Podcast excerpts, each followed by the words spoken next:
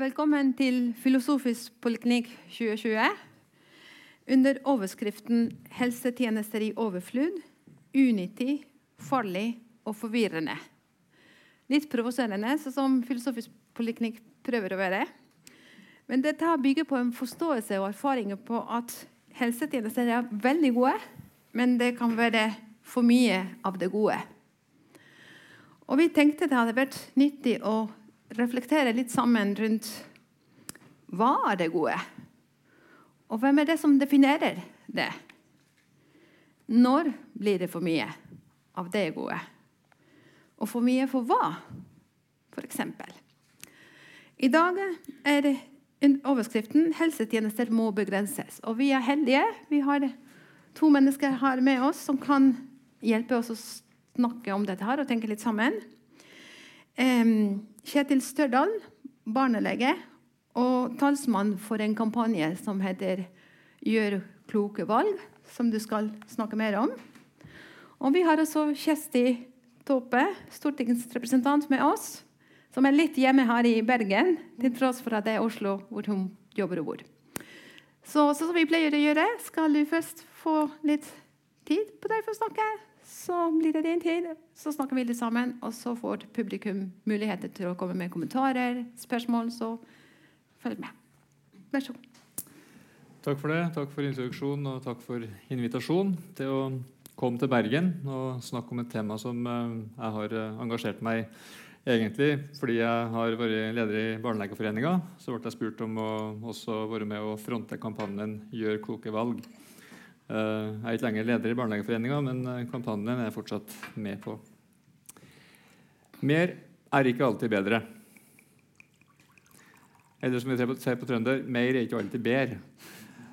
Um, slagordene er ganske hyppig brukt i uh, den bransjen her. Uh, og store, tunge medisinske tidsskrift, sånn som New England Journal of Medicine, British Medical Journal, Yama, de har hatt temaserier om det temaet her gjennom mange år. Faktisk hvert tiår. Slagordene kjenner dere kanskje til. 'Less is more'. Det er jo egentlig et stjålet slagord fra arkitekturen. Um, men uh, 'Less is more in medicine' og en serie. 'Too much medicine'. 'Selling sickness'. Og Nylig så var det et tema i Yama temanummer, som handler om 'waste in medicine'. Og jeg må bare sitere noen få nøkkeltall derifra. I USA så tar helse ca. 18% av bruttonasjonalproduktet.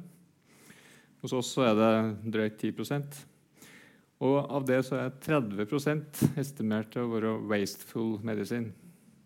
Og da snakker vi store penger. I den serien så estimerer de til 7500 milliarder norske kroner per år, som er waste. Ikke alt av det handler om overbehandling. Det er ca. 800 milliarder norske kroner som estimeres til å være overbehandling eller low value care, som de kaller det i Yama. Oversett til norske forhold, et norsk statsbudsjett ca. 1400 milliarder norske kroner. Så det er store summer som går med til unyttige helsetjenester. Det er lett å beskrive, og det er lett å peke ut grelle eksempel. Og det er fristende å harselere med overmedikalisering og overaktivitet innenfor medisin. Men hva gjør vi med det, utover at vi som akademikere kan ha en diskusjon? 'Choosing Wisely' det er den internasjonale kampanjen som ikke helt tilfeldig starta nettopp i USA. De har jo en ganske kommersiell helsetjeneste verdens desidert dyreste målt i hva du får igjen for pengene. Det jeg ikke var klar over, er at USA har like mye i offentlige midler av helsetjenest som andre land i OECD. Men på toppen av det så har de omtrent like stor privat forsikringsbasert helsetjeneste. Likevel så tror jeg at vi har noen grunn til å slå oss på brystet og si at det er et problem som hører andre til. I 2015 så fikk vi det første helseatlasset. og Vi har til sammen fått ni helseatlas. Dere kjenner kanskje til dem. De ligger lett tilgjengelig på nettet. Utarbeidet av Senter for klinisk dokumentasjon og evaluering. Et senter i Tromsø som bruker data fra helsetjenestene. Hver eneste gang at vi som klinikere skriver en kode, enten det er en diagnose eller en prosedyre, så havner det i Norsk pasientregister. Og de tallene er det SKDE bruker til å beskrive helsetjenestene i Norge. Og Hovedfunnet som går igjen i helseatlasene, er at det er en stor og uforklart variasjon i helsetjenester. Og Det opptar fagfolk, kanskje mest fordi vi syns det er litt flaut. Vi bedriver jo evidence-based medisin og har litt tungt for å kunne forklare at det er fem ganger så mange meniskoperasjoner i Møre og Romsdal som i Stavanger, eller dobbelt så mye antibiotika på sykehuset, nyfødtavdelinga i Stavanger som det er i Bergen f.eks. Da trenger vi å forklare det. Men dette opptar også politikere. Noen er jo både fagfolk og politikere for øvrig. Men Riksrevisjonen har også laga en rapport om eh, variasjon og uforklart variasjon i helsetjenestene. I 2016 eh, så tok Legeforeninga tak i funnene fra helseatlasene og ga ut en rapport som er vel verdt å lese. Den heter 'For lite, for mye eller akkurat passe'. Og Den munner vel egentlig ut i en slags spørsmålsstilling. Hva gjør vi med de funnene som vi har hva gjør vi med de funnene som vi har fra helseatlasene, og den kjennskapen vi har til uforklart variasjon? Legeforeninga er en ganske konservativ greie. Jeg har vært tillitsvalgt, og vil fortsatt det, så jeg kan si det. og jeg vet at uh, internt Legeforeninga er ganske engstelig for å tråkke noen leger på tærne. Og det var en ganske stor intern prosess før man uh, eh, beslutta å ta et initiativ mot medisinsk overaktivitet. Men jeg tror Legeforeninga skjønte skjønt tegninga, og ikke minst uh, Marit Hermansen, president, hun tok tak og så at det å ta styring og initiativ er viktig om vi sjøl som fagfolk vil ha handa på rattet. Og ta eierskap til problemstillinga, og ikke bare bli pådytta løsninger og spørsmål. Før vi rulla ut Gjør klokkevalg, så gjorde vi en Questback-undersøkelse som vi sendte ut først til Barnelegeforeninga, og så til allmennlegene og så til radiologene. Til sammen er det drygt 1500 som har svart. Og Da spurte vi som innledning har vi overbehandling og overdiagnostikk i Norge. Skal komme tilbake til litt uh, funn derifra. Men først så starta vi med å definere i en sånn spørreundersøkelse må vi vite hva vi spør om. Overutredning det er undersøkelser som mest sannsynlig ikke vil gi betydningsfull informasjon. Merk dere betydningsfull informasjon. Overdiagnostikk da finner vi avvik som ikke gir symptomer nå, heller ikke kommer til å gi symptomer i framtida og ikke påvirker livsrisikoen eller livsutsiktene.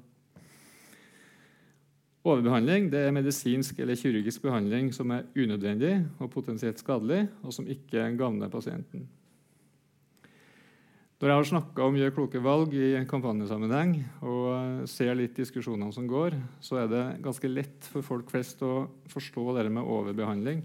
Ingen vil ha kirurgi som de ikke trenger. Ingen vil ha medisiner som de heller ikke blir friskere av. Men akkurat det med overdiagnostikk og overutredning det er mye vanskeligere å forstå. En utredning, en ultralyd, det er jo ikke farlig. Men kanskje er det ugunstig og uhensiktsmessig for pasienten. Det vi fant i spørreundersøkelsene, gjør kloke valg, det var at eh, for det første så var det jo 92-93% som svarte at ja, vi har et problem med overbehandling og overdiagnostikk i Norge. Og så ble de bedt om å estimere omtrent hvor mye av sin daglige praksis oppfatter de som overbehandling overdiagnostikk. Nesten 20% To av tre sa at de sjøl driver med overbehandling. Sjøl om kollegaene var hakket verre. Jeg spurte om det òg. Og så spurte vi drivere bak. Hva er grunnen til at du driver med overbehandling? Og det som var den sterkeste driveren, som ble retta høyest, det var forventninger fra pasient og pårørende. Eller skal vi være så ærlige som at vi sier antatte forventninger? For det er ikke bestandig at vi spør. Vi tror at en, at en som oppsøker doktoren, alltid vil ha mer. Men kanskje er det ikke en ny resept som trengs. Kanskje er det mer en samtale, en avklarende runde. Vi starta kampanjen i eh, september 2018, så den har pågått i litt over et år nå. Og um, jeg tror vi har nådd ganske godt ut internt i fagmiljøet. Jeg tror de fleste leger og legeforeningsmedlemmer kjenner godt til kampanjen. Og jeg vet òg at andre har hørt om det, andre som driver med terapi.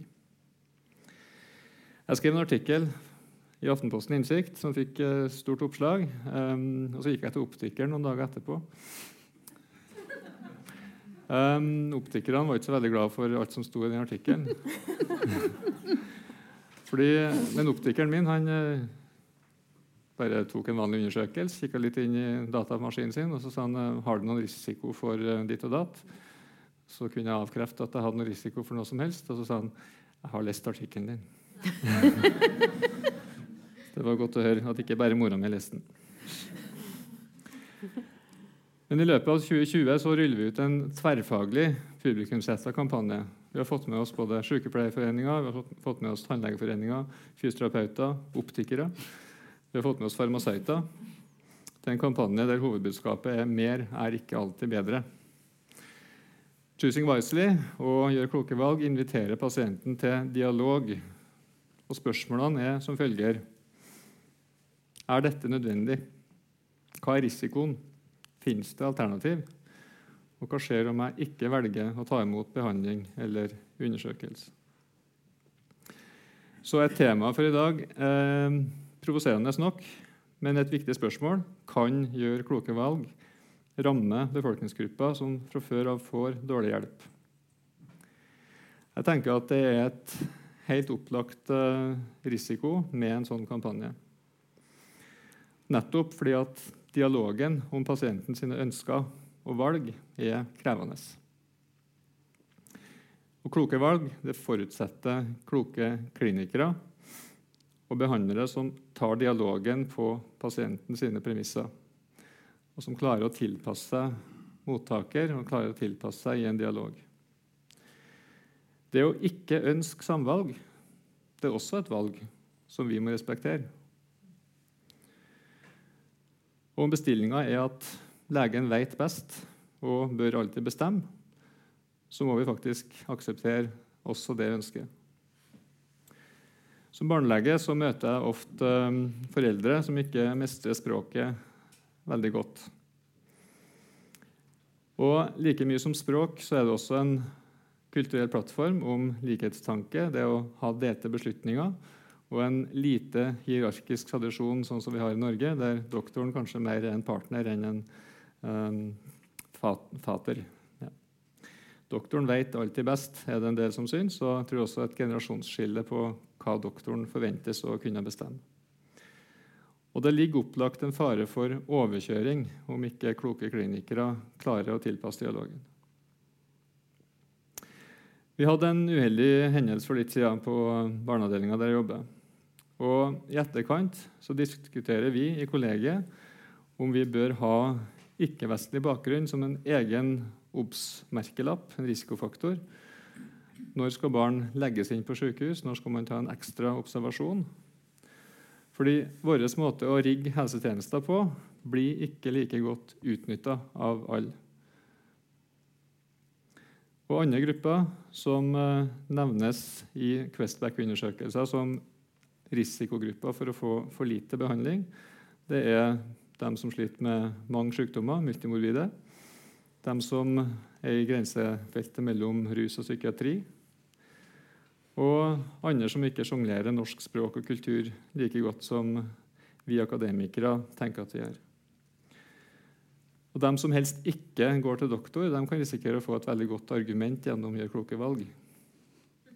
Sånne middelaldrende menn som meg, f.eks. Men likevel så tenker jeg at eh, svaret mitt på spørsmålet innledningsvis det er et nei. Jeg tror likevel at gjør kloke valg kan gi en bedre balanse. Kan vi tenke oss det motsatte alternativet til kloke valg? Det er jo da selvsagt ukloke valg. Men det å gi pasienten det de spør om og betaler for, det er ganske sikker på å forsterke ulikheter mer enn det å ha en dialog og en klok dialog. For de sterke og taleføres behov trumfer dem som er mindre frampå, spesielt om vi har en helsetjeneste som bare leverer det det blir bedt om. Eh, sammen med Stefan Jarlefsson, som eh, er styre, styringsgruppeleder i Gjør klokkevalg, som sitter her, så vi har skrevet en lederartikkel i tidsskriftet nå nettopp, der vi tar opp eh, spørsmål rundt villscreening betalt av egen lomme. Vi tenker at på en måte så er det jo greit så lenge du betaler det av egen lomme og ikke har noe villscreening. Da tenker jeg det er screeningundersøkelser som ikke er et ledd i en strukturert screening. Vi har screeningundersøkelser som f.eks. mammografi vi har for livmorhalskreft. Og så har vi villscreening, der vi tenker at man tar prøver som ikke er et ledd i et uh, strukturert program. Per i dag er det en risiko for at den som har kjøpt seg en helkropps ultralyd, til 2390 kroner og finner en tilfeldig kul, et incidentalom, som røntgenlegene kaller det, rykker fram i køen. Den britiske allmennlegeforeninga står opp og sier at allmennleger ikke skal forholde seg til funn på villscreening. Vi ser at markedsføringa av en del undersøkelser i Norge er ganske heftig pågående, mens helsemyndighetene er passive. Det er ikke regulert.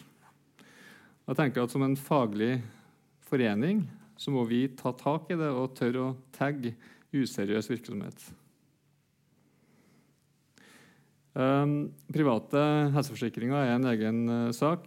Vi har også private barneforsikringer. Der uh, vi ble oppmerksom på i Barnelegeforeningen at noe av det ble framstilt som at man kunne få en ekstra inngang til helsetjenestene hvis man hadde en sånn privat helseforsikring, en såkalt toppforsikring. Vi begynte å spørre det private barnesykehuset som de refererte til at de kunne skaffe plass på innen to uker. Hvor var det egentlig? Ingen av oss hadde hørt om det. Aftenposten og Dine Penger fatta interesse og skrev om det, og de måtte endre på teksten sin og endre på markedsføringa. Men eh, jeg tenker at her har vi ganske mye ugjort. Så det er viktig å si at Gjør kloke valg det er ikke noen sparekampanje. Men vi vil alltid ha ventelister vi vil alltid ha manko på kompetanse.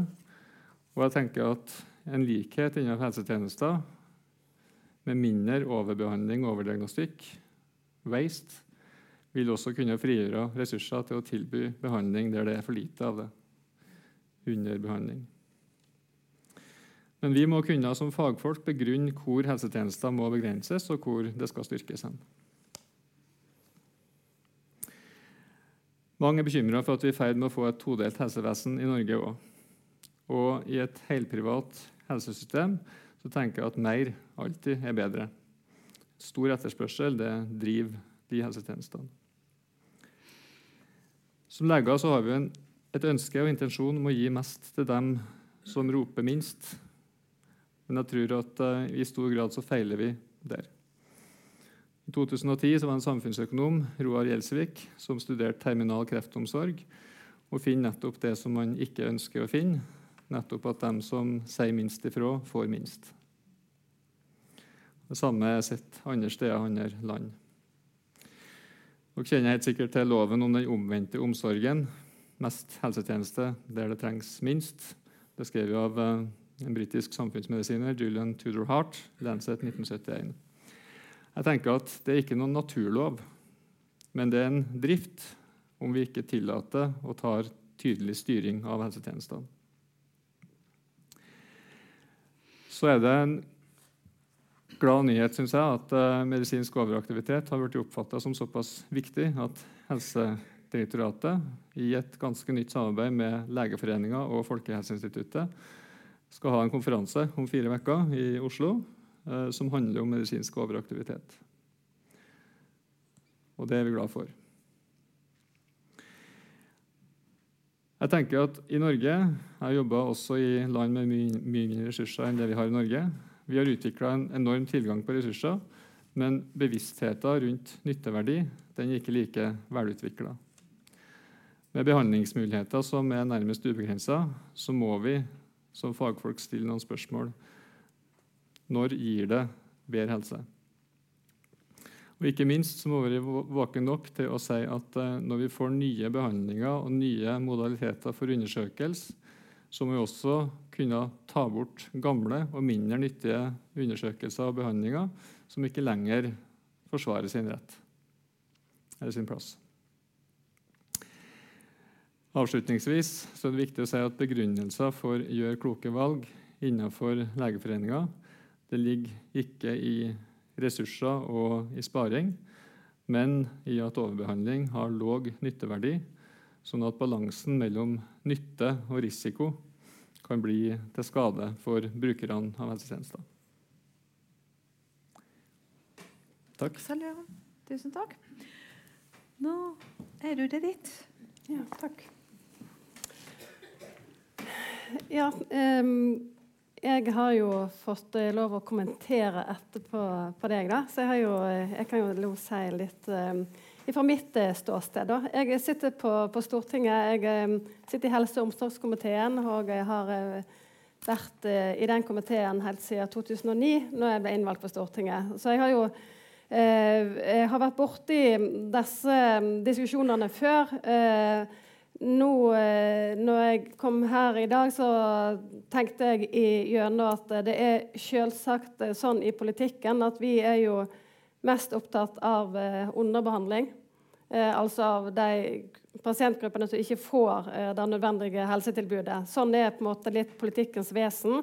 Ut ifra at vi òg er ombud, og vi tar opp de som da står fram og ikke får den rettmessige behandlingen som de har behov for. Og det er jo ikke samme fokuset på det som vi kan kalle for overaktivitet, altså overbehandling, overdiagnostikk diagnostikk eller utredninger. Det, uh, det, er nok uh, min erfaring, og jeg tror det er sånn det er. jeg Eh, jeg, jeg, hadde faktisk en interpellasjon i Stortinget, altså en sånn debatt med helseminister Høie i 2014, fem år siden, om overbehandling Eh, og eh, underbehandling i helsevesenet. Da ble det en diskusjon eh, politisk, og det var faktisk ikke alle som ønsket å snakke om overbehandling i hele tatt, men en ville snakke om uheldig variasjon. Jeg har jo ment at vi må liksom kalle en spade for en spade. At folk flest oppfatter at overbehandling det kan folk forstå hva er. men uheldig variasjon for, min del så blir det litt mer sånn uh, uforståelig, selv om det er jo helt korrekt. at det er jo den uh, uheldige variasjonen som er, eh, som ikke er bra. At noen faktisk får for lite, og at noen får eh, for, masse. Og at det er variasjoner fra geografisk forskjell fra helseforetak til helseforetak. Og det er òg eh, variasjoner på utdanningsnivå, f.eks. på pasienter. Lettere å få henvisning til spesialisthelsetjeneste hvis de er høyt utdanna kvinner eh, og bor i en by, eller det motsatte. Og dette vet vi jo om, og det er jo et uh, politisk dilemma tror jeg, på vegne av alle partier. det at vi har sosiale helseforskjeller. Kanskje noen av dem blir uh, forsterka av et helsevesen som i seg sjøl ikke klarer å, å, utjevne det. Og at uh, et flertall av befolkningen i, i, dag mener at vi har et todelt helsevesen. Mm, det er jo ingen parti som ønsker det fra, noen side. Eh, så eh, Ja. Uh, du var jo inne på at det har vært et internasjonalt fokus, og det har jo òg smitta over på, i, i, Norge. Og Helsedirektoratet hadde jo har jo hatt dette oppe òg for mange år siden og prøvd å få fokus på det.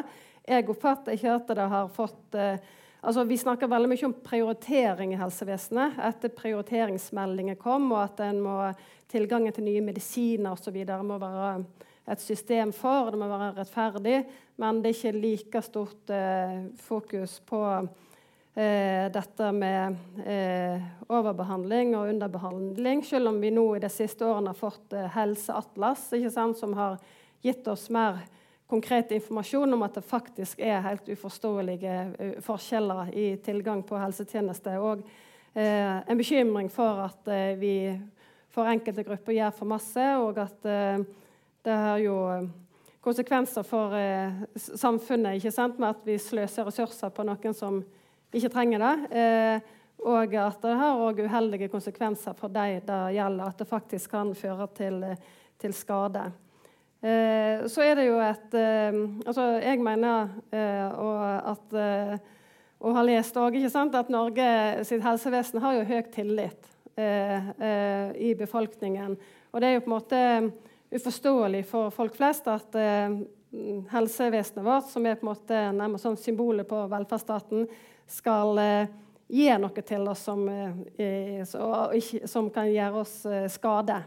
Jeg tror Spørsmålet om vi var klar for en kampanje På en måte er vi det, men på en annen måte så tror jeg det sitter, så er det litt sånn fremmed for folk. For vi har hatt en høy tillit til at det som vi får tilbud om i helsevesenet, det, vil, det, det er bra for oss uh, uansett. Det er fra, fra, gammelt av. Det er, noen, uh, det er ikke noen debatt, på en måte. Men så, jo, så er det jo ikke sånn uh, lenger, kanskje allikevel. Men, men det å ha en en opplæring, dette med at mer helsetjeneste ikke er absolutt eh, det som er det beste. Jeg har jo trua på det, eh, for det var jo et spørsmål her. Og, og, og det er jo eh, spesielt fordi at jeg har sett hva som har skjedd med antibiotikaresistens. Eh, har jo, vi har jo klart en reduksjon i, i antibiotikaforskrivning i primærhelsetjenester. Vi er ikke like flinke på sykehus, tror jeg ennå.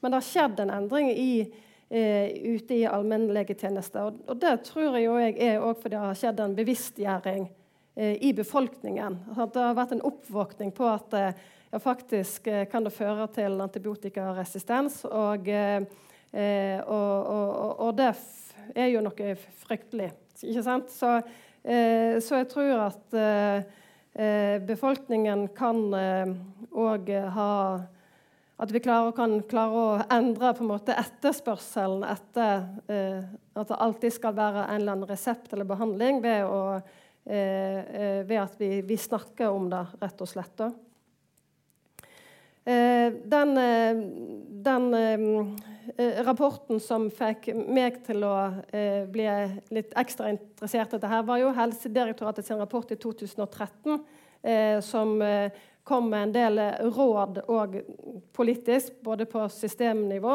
og eh, på en måte ellers. da, eh, Som jeg syns eh, var veldig interessant da. Og jeg opplever vel ikke at det har vært en sånn kjempedebatt om, om akkurat overbehandling i, i politikken. Og jeg, som vi sa i stad, det er jo mer, det er oftere en debatt om, om prioritering.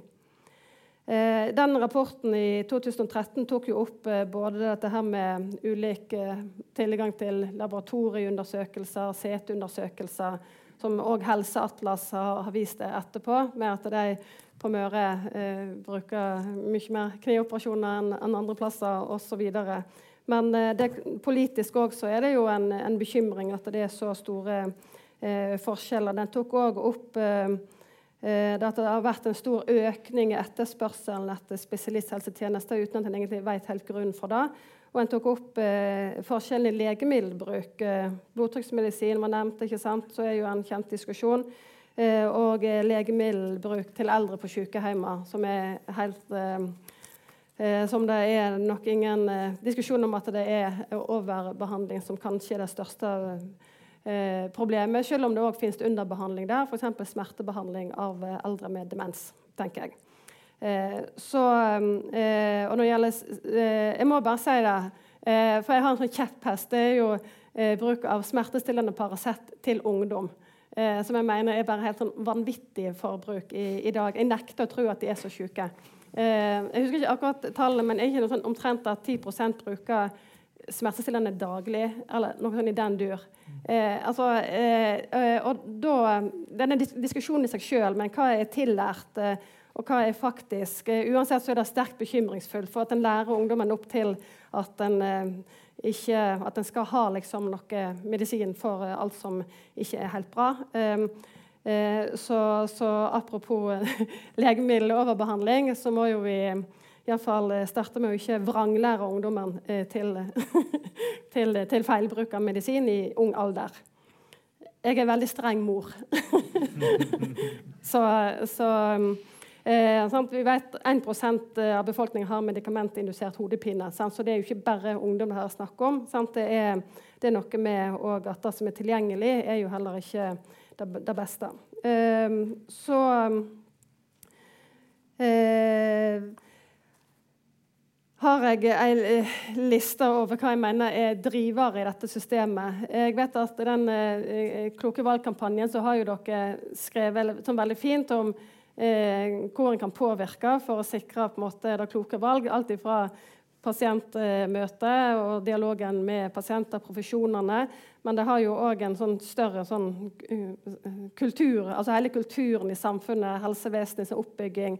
Det er masse som påvirker eh, etterspørselen og, og eh, behovet. Ikke sant?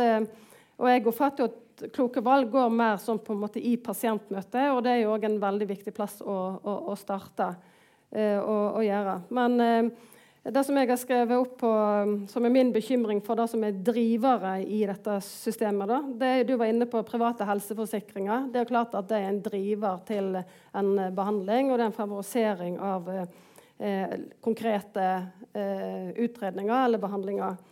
Eh, privatisering av helsevesenet mener jeg òg er en driver eller en risiko for at en eh, overbehandler.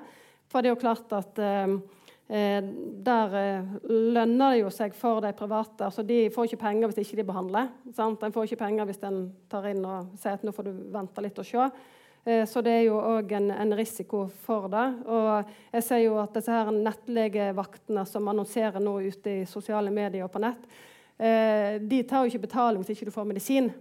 Sant? Eh, med urinveisinfeksjon. Eh, hvis ikke du får eh, antibiotika, så betaler du ingenting. Altså, jeg mener at det skulle blitt slått ned på deg. for jeg at det der, Men, men jeg har jo krangla med deg, eh, så de liker ikke akkurat meg, da. Men, eh, men det er jo bare, så, sånn er det. Sånn er verden blitt. Eh, apotekene òg, mener jeg, med alle disse tilbudene de gjør med å måle blodtrykk, måle blodsukker, ha føflekk Eh, studier i. Sant? Altså, hva er det for noe? Jeg er sikker på at det blir en god del overbehandling pga. Eh, og, og, og helse, helseangst av, av, det. Den tilgjengelige legen har jeg også skrevet på lista mi. Altså disse online-legene. Og det er jo òg politisk krav at den skal være på chat. Den skal være hele tiden tilgjengelig og svare på prøver og sånn og sånn. Det er jo vel og bra. Vi er jo blitt kritisert for at vi ikke er nok tilgjengelige, fastlegeordningen. Men jeg mener at det har noen negative konsekvenser på at en eh, eh, på en måte En lærer en hel befolkning opp til eh, og hele tida skal få svar på hver minste bekymring eh, der og da. Og hva det igjen fører til av eh, mulig overbehandling og sånn i, som en konsekvens, eh, det er faktisk jeg bekymra for. Det er ganske politisk ukorrekt å si, men, eh, men jeg er bekymra for det. Eh, eh, så eh, er det dette som er kanskje det noe som, som, absolutt er et politisk valg, og som vi kan gjøre noe med, det er jo, økonomi, altså det er jo finansieringsmåten i helsevesenet. Eh, og eh, når vi har så høy grad av innsatsstyrt finansiering, så mener jeg at eh, det er en Og det er jo blitt mange som har sagt i utredninger sånt, det er en fare for at en da favoriserer de behandlinger som lønner seg mest, som gir høyest DRG-poeng på, på, på inntjening. Da. Og, og, da er det andre ting som blir nedprioritert. Og det kan også gjør at det favoriserer en, eh, en, unødvendig behandling. For det er det på en måte en, eh, en, en tjener penger på. Eh, og jeg har eh, bare noen sånne eksempel fra fødselsomsorgen da, som har gjort stort inntrykk på meg. Eh, og det er jo eh, at Der òg har en jo innsatsstyrt finansiering i fødselsomsorgen. Jeg tenker bare Det i seg sjøl er litt sånn pussig hvis du tenker over det, så er det liksom rart at en skal ha aktivitetsstyrt finansiering på fødsel. Eh, eh, det burde jo vært rammefinansiert sånn. Eh, men, eh, og da er det jo sånn at eh, eh, du får ekstra penger hvis du kateteriserer kvinner. Altså, men hvis du setter inn ressurser, jordmorer, barnepleier, som hjelper den kvinnen på toalettet før det har gått for lang tid, så du slipper å kateterisere, så får du null ekstra penger fordi at det ikke er en aktivitet. Sant? Eh, og Det samme eh, er jo hvis en kvinne blør eh, i forbindelse med fødsel. 500 ml, så får du 5000 ekstra kroner i potten.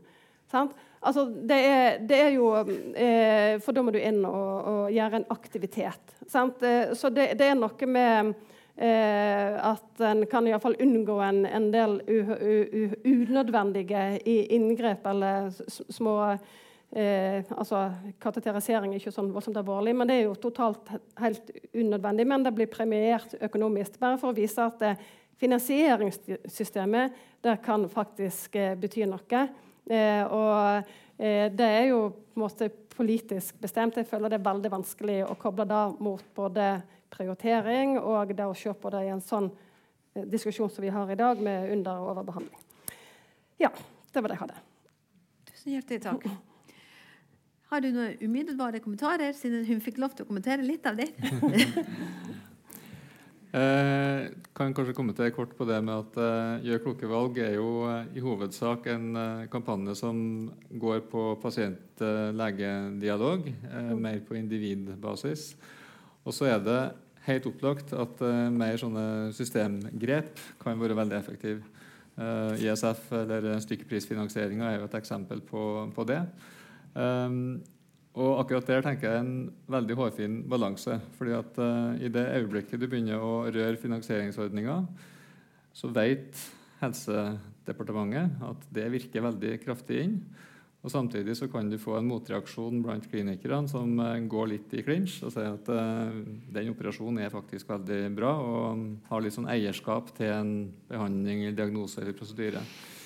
Um, sånn at Det er en litt delikat balanse. Uh, jeg vet at uh, helseministeren vi har hatt en dialog rundt det, og hans uh, stab er veldig oppmerksom på den innsatsstyrte finansieringa, og at det kan føre til ganske store endringer. Tar du ned refusjonen for meniskoperasjoner, så går volumet ganske mm. raskt ned. Ingen tvil om det. Og kanskje i mm. større grad enn om du snakker med klinikerne og sier at er det så lurt å holde på med dette.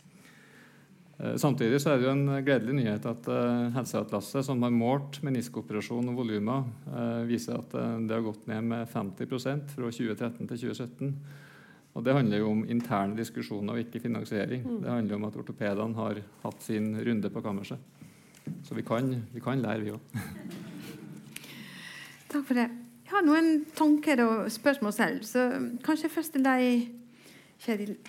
Det viser Altså, du snakker om ting som er enklere å forstå, og ting som er vanskeligere å forstå. Det er eh, slik, det er en studie fra, for ikke så lenge siden, en norsk studie på astma, bruk av medisiner, astmamedisiner blant barn, som viser at det finnes noen barn som ville ha trengt medisin, som ikke får det. Barn som ikke trenger medisin, som får det. Og barn som får medisin som er feil medisin. Altså, vi snakker om overbehandling, underbehandling, feilbehandling som skjer samtidig. Mm. Um, så spørsmålet, er det, er det enkelt å vite altså i Etterpåklokskap så er det enkelt. Er kanskje litt enklere. Men det er det da. Er det enkelt å vite når vi beveger oss i overdiagnostikk, overbehandling, feilbehandling? Er det enkelt å formidle det her på en måte som både pasienten og legene forstår det? Nei, det er et krevende uh, område. Eh, diagnosen astma hos små barn er vanskelig. Eh, vi har lite objektivt å forholde oss til. Mye handler jo om å høre på foreldrene, kanskje lytte med stetoskopet. Men lungefunksjonsmålinger krever et barn som samarbeider, og da trenger de å bli litt, eh, litt større enn to år. Og Det gjør at doktoren sitt kliniske skjønn gir rom for ganske stor, stor variasjon. Og Innenfor et visst område tenker jeg at sånn må det faktisk være. Vi har ikke en veldig eksakt vitenskap på alle felt, og vi er nødt til å ta noen valg. Eh, som hos noen eh, kanskje er overbehandling, hos andre underbehandling. Eh, og til en viss grad må vi ha et, et, et slakk. Eh, samtidig så er det jo vist i den artikkelen til Ingvild Micaelsen og Knut Aymar i tidsskriftet at eh, det er en systemvariasjon. Bergen, Hordaland kontra Rogaland dobbelt så mye inhalasjonsteroider hos barn. Det samme er sett når du sammenligner Nord-Trøndelag og Sør-Trøndelag. Dobbelt så mye i Nord-Trøndelag som i Sør-Trøndelag. Vi trønderne vi ordna det ganske greit. Vi slo oss sammen. Anbefaler det. Men jeg tenker at når vi ser sånne systemvariasjoner, da er vi nødt til å tenke og se på oss sjøl som fagfolk og tenke gjennom hva er det som er forskjellen. Det er jo ingen som tror at det er så mye med behov for inhalasjonssteroider i Hordaland enn det er i Rogaland. Mm. Men det er et problem at vi ikke vet eksakt hvor kalibreringa skal gå. Vi, ja, og vi system gjelder ikke kanskje for den enkelte pasienten. Så for systemnivå greit, men for mm. denne pasienten mm. Og um, Jeg tror ikke at vi kan ha en ambisjon om å treffe riktig i alle situasjoner. Uh, men vi kan prøve å bli flinkere og lære mer og ha en dialog rundt at det faktisk kan bli for mye inhalasjonssteroider. En viktig ting som har skjedd de siste årene, er jo at uh, astmasykeligheten i Norge har gått ganske betydelig ned. Altså Antallet barn som er innlagt med astma, er et helt annet enn det var bare for 20 år siden. Og Det handler jo om at vi har bedra praksis over tid. Men kanskje har vi vært litt for slepphendte med inhalasjonssteroidene til en del barn som ikke trengte det. Mm. Så er det jo en uh, observasjon som vi diskuterte litt før uh, under middag. At i Storbritannia så har de sett at de har faktisk astmadødelighet blant barn og ungdom. Det er noe vi knapt ser i Norge. Og det handler jo om at et offentlig helsevesen sånn som de har i Storbritannia, faktisk kan miste pasienter som trenger god behandling, god grunnbehandling for astma. Mm. Kanskje i Norge kan dessverre også jeg det. Et spørsmål til deg. Og det har også litt med språk og, og du har vært litt inne på det der. Um, uforklart variasjon, praksisvariasjon, uheldig variasjon. Um, er det ikke helt det samme enn å snakke om overbehandling, overdiagnostikk? Eh, ikke bare hvordan det høres ut, men, men konsekvensene for prioritering, for politikk. Um, så, så, gjør dette med språkbruk noe med politikerne, med samfunnet. Hvor, hvor og bestemte av disse valg med å ikke bruke f.eks. ordet overdiagnostikk i Stortinget, mm. eller bruke det. Mm. Ja, nei, som, jeg, som jeg, sa, så, så, så, hadde jo vi en diskusjon om, om det. Og, eh, og eh, helseministeren ønsker ikke å bruke ordet overdiagnostikk. Eh, altså, det kan jo jeg altså, jeg liker ikke å snakke om hva andre mener når ikke de er her sjøl, men, eh, men, eh, det var tatt fra den debatten som vi hadde iallfall i 2014. Eh, så, så var han veldig tydelig på det. Og, men det som, som, jeg tror ligger bak, det er jo at en er, en er redd for at en kun snakker om det enten det ene eller det andre. Hvis en kun snakker om overbehandling som den store faren eh, i helsevesenet, så, så, så, er det jo på en måte eh, så, eh, så, snakker en ikke om underbehandling, og at dette henger i, i sammen. da. Og at det er jo selvsagt like galt sånn sett at du har eh, en del pasientgrupper som vi vet får for lite behandling. Vi når ikke fram for dem. De har kortere levetid, altså det får konsekvenser, eh, som at du har andre grupper som har en overbehandling. Så for å prøve å forklare litt eh, eh de andre eh, sin argumentasjon, så, så, tror jeg jeg har forstått at det er liksom det som ligger bak. At eh, en, en, en, frykter det ensidige fokuset på overbehandling, men den, det er den uheldige variasjonen som iallfall er det politiske At vi må tenke på begge deler samtidig. da. Eh, men jeg opplever nok at det er en litt sånn aversjon politisk mot å, å snakke om overbehandling. Kanskje òg litt sånn fordi at uh, det, det, kan jo av og til være litt uh, ubehagelig for oss òg, ikke sant? Så, så, så, det er i hvert fall en sånn erfaring jeg har hatt i den diskusjonen som vi har hatt. da. Mm -hmm. Betyr det noe for hva slags konsekvenser? Jeg, jeg, mener jo det. Eh, men eh, for, for, for, jeg mener vi må være altså Hvis vi tar overbehandling Eh, på, på, på, alvor. Vi, jeg, jeg, tenker at vi, det, det, er mer enn mange som snakker om uh, grupper med underbehandling. Det gjør jeg jo sjøl òg uh, veldig ofte. ikke sant? Men det er ikke så lett å snakke om den unødvendige behandlingen, og at vi har drivere i vårt helsevesen som faktisk også kan ikke legge til rette for det. da. Uh, så, så jeg, jeg, mener jo at det er viktig å være tydelige. Og jeg tror at folk flest det, Når du snakker om uheldig variasjon, så skjønner de ikke hva du snakker om. Sant? Men tror de fleste skjønner hva overbehandling og overdiagnostikk betyr. Mm. Så, så jeg, jeg, står jo for det, da. Men mm. eh, de hører ikke på meg. Det rope høyere. Vi kommer tilbake til å rope høyere. Ja. For meg som utlending dette her med, med språk og, og sånn er kanskje litt vanskelig tid. Og jeg lurer litt på definisjonssmak og ordene som man bruker. Altså kloke valg. Klok har jeg, jeg gikk til ordboken. God forstand, gode åndsevner, lur, fornuftig. Og da, for meg er det sånn ganske verdiladet. Mm. Og da lurer jeg når du skal ha en samtale med noen med å vinne med at nå skal vi gjøre en kloke valg Um, og det høres ut som nesten jeg har, altså jeg har det riktige svaret, og så får du liksom prøve å komme litt der. Mm. Um, har du noen kommentarer? Er dette en sånn likeverdig måte å snakke på, eller? Nei, altså Navnet 'kloke valg' eller 'gjør kloke valg' det er jo en ganske frekk eh, tilnærming. Å si at uh, det, det, har vi. um, samtidig så er nok eh, innholdet i kampanjen opptatt av at det ikke skal være en pekefingerkampanje.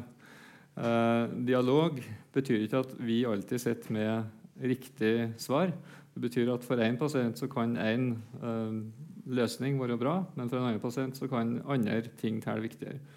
Eh, det finnes eksempler på pasienter som har blitt tilbudt prostataoperasjoner, der de får to forskjellige typer informasjoner og velger totalt forskjellig, avhengig om det er urologen som forteller hvor bra en prostataoperasjon er, eller om de får se en video som forteller om risikoen med impotens og inkontinens. De velger totalt forskjellig. Og det handler jo om at uh, vi har uh, forskjellige verdier, og vi må ta hensyn til For noen pasienter så er det viktig med minst mulig si, risiko for uh, inngrepet eller for behandlinga. For andre så tar de heller sjansen for å Ja, de tenker at det er greit nok. Så det er ingen pekefingerkampanje, og klokt er ikke det samme for alle pasienter. Og det begrepet som eh, du var inne på med variasjon. Jeg er jo glad i variasjon. Jeg tenker at Livet uten variasjon det er jo dønn kjedelig. Og Som amatørmusiker så syns jeg variasjoner er kjempegøy. Men um, uh, uheldig variasjon, eller uforklart variasjon, som man bruker som begrep i helseatlasene, det går mer på systemnivå. Når vi ikke kan forklare det ut ifra sykdomsbelastning eller utbredelse av sykdom. Men da sitter jeg her og tenker det, Som den enkelte legen der på kontoret mitt, så kan jeg tenke at jeg har hatt en fantastisk fin samtale med pasienten min. Som jeg vet ikke hvorfor, men de velger alle sammen å ta den PSA-testen for prostata. Men vi har hatt denne samtalen. Og da tenker jeg hvordan Men du forteller meg at på systemnivå så kan man se den uheldige variasjonen. Men mm. hvordan kan den enkelte se om denne samtalen faktisk er en fin samtale? Eller en sånn ladet av andre ting? Jeg tror at uh, det å um, altså Én ting er enkeltmål, enkeltanbefalinger. PSA er jo en sånn anbefaling som allmennlegene har med i sine anbefalinger, at man ikke skal bruke det som screening. Uh, og så tenker jeg at Det er et eksempel. Og vi har mange eksempel av konkrete anbefalinger der målet nødvendigvis er å få gjennomslag for akkurat den, den anbefalinga, men mer en tankegang rundt at for mye undersøkelser, for mye behandling, kan faktisk ha uheldige konsekvenser. Sånn at uh, det blir mer en dialog og en læring rundt at uh, her er det faktisk uh, både plusser og minuser med en PSA-test. Mm. Kanskje tenker man neste gang litt i samme bane. Og Eksempelet med antibiotikabruk, som har gått ned med 30% over 30% blant norske barn siden 2012, det handler helt sikkert veldig mye om foreldre som ikke lenger går til doktor fordi de skal ha antibiotika for virale luftveisinfeksjoner. Det handler om at befolkninga har skjønt det. Det er ikke bare doktorene som sitter og holder igjen på antibiotikaen, men det er rett og slett bestillingene. Og Det viser jo at uh, dette er en prosess som er interaktiv. Uh, vi har data som viser at antallet besøk hos uh, fastleger har gått ganske tydelig ned for luftveisinfeksjoner i løpet av de siste årene. Så det virker at man ikke skriver ut antibiotika. Da kommer ikke pasienten tilbake neste gang heller. Mm. Ja, så det er en god sirkel, kanskje. Ja. Mm. Litt tilbake til deg og dette her med å rope høyt. Um, for meg er det litt sånn gåte hvordan uh, i politikken man skal balansere. På den ene siden så er det den som roper høyest, eller influensere, uh, som er, vi, ser ut til å være veldig viktige for politikere. Og hvordan kan da sette det sammen med kloke valg og for mye av det gode.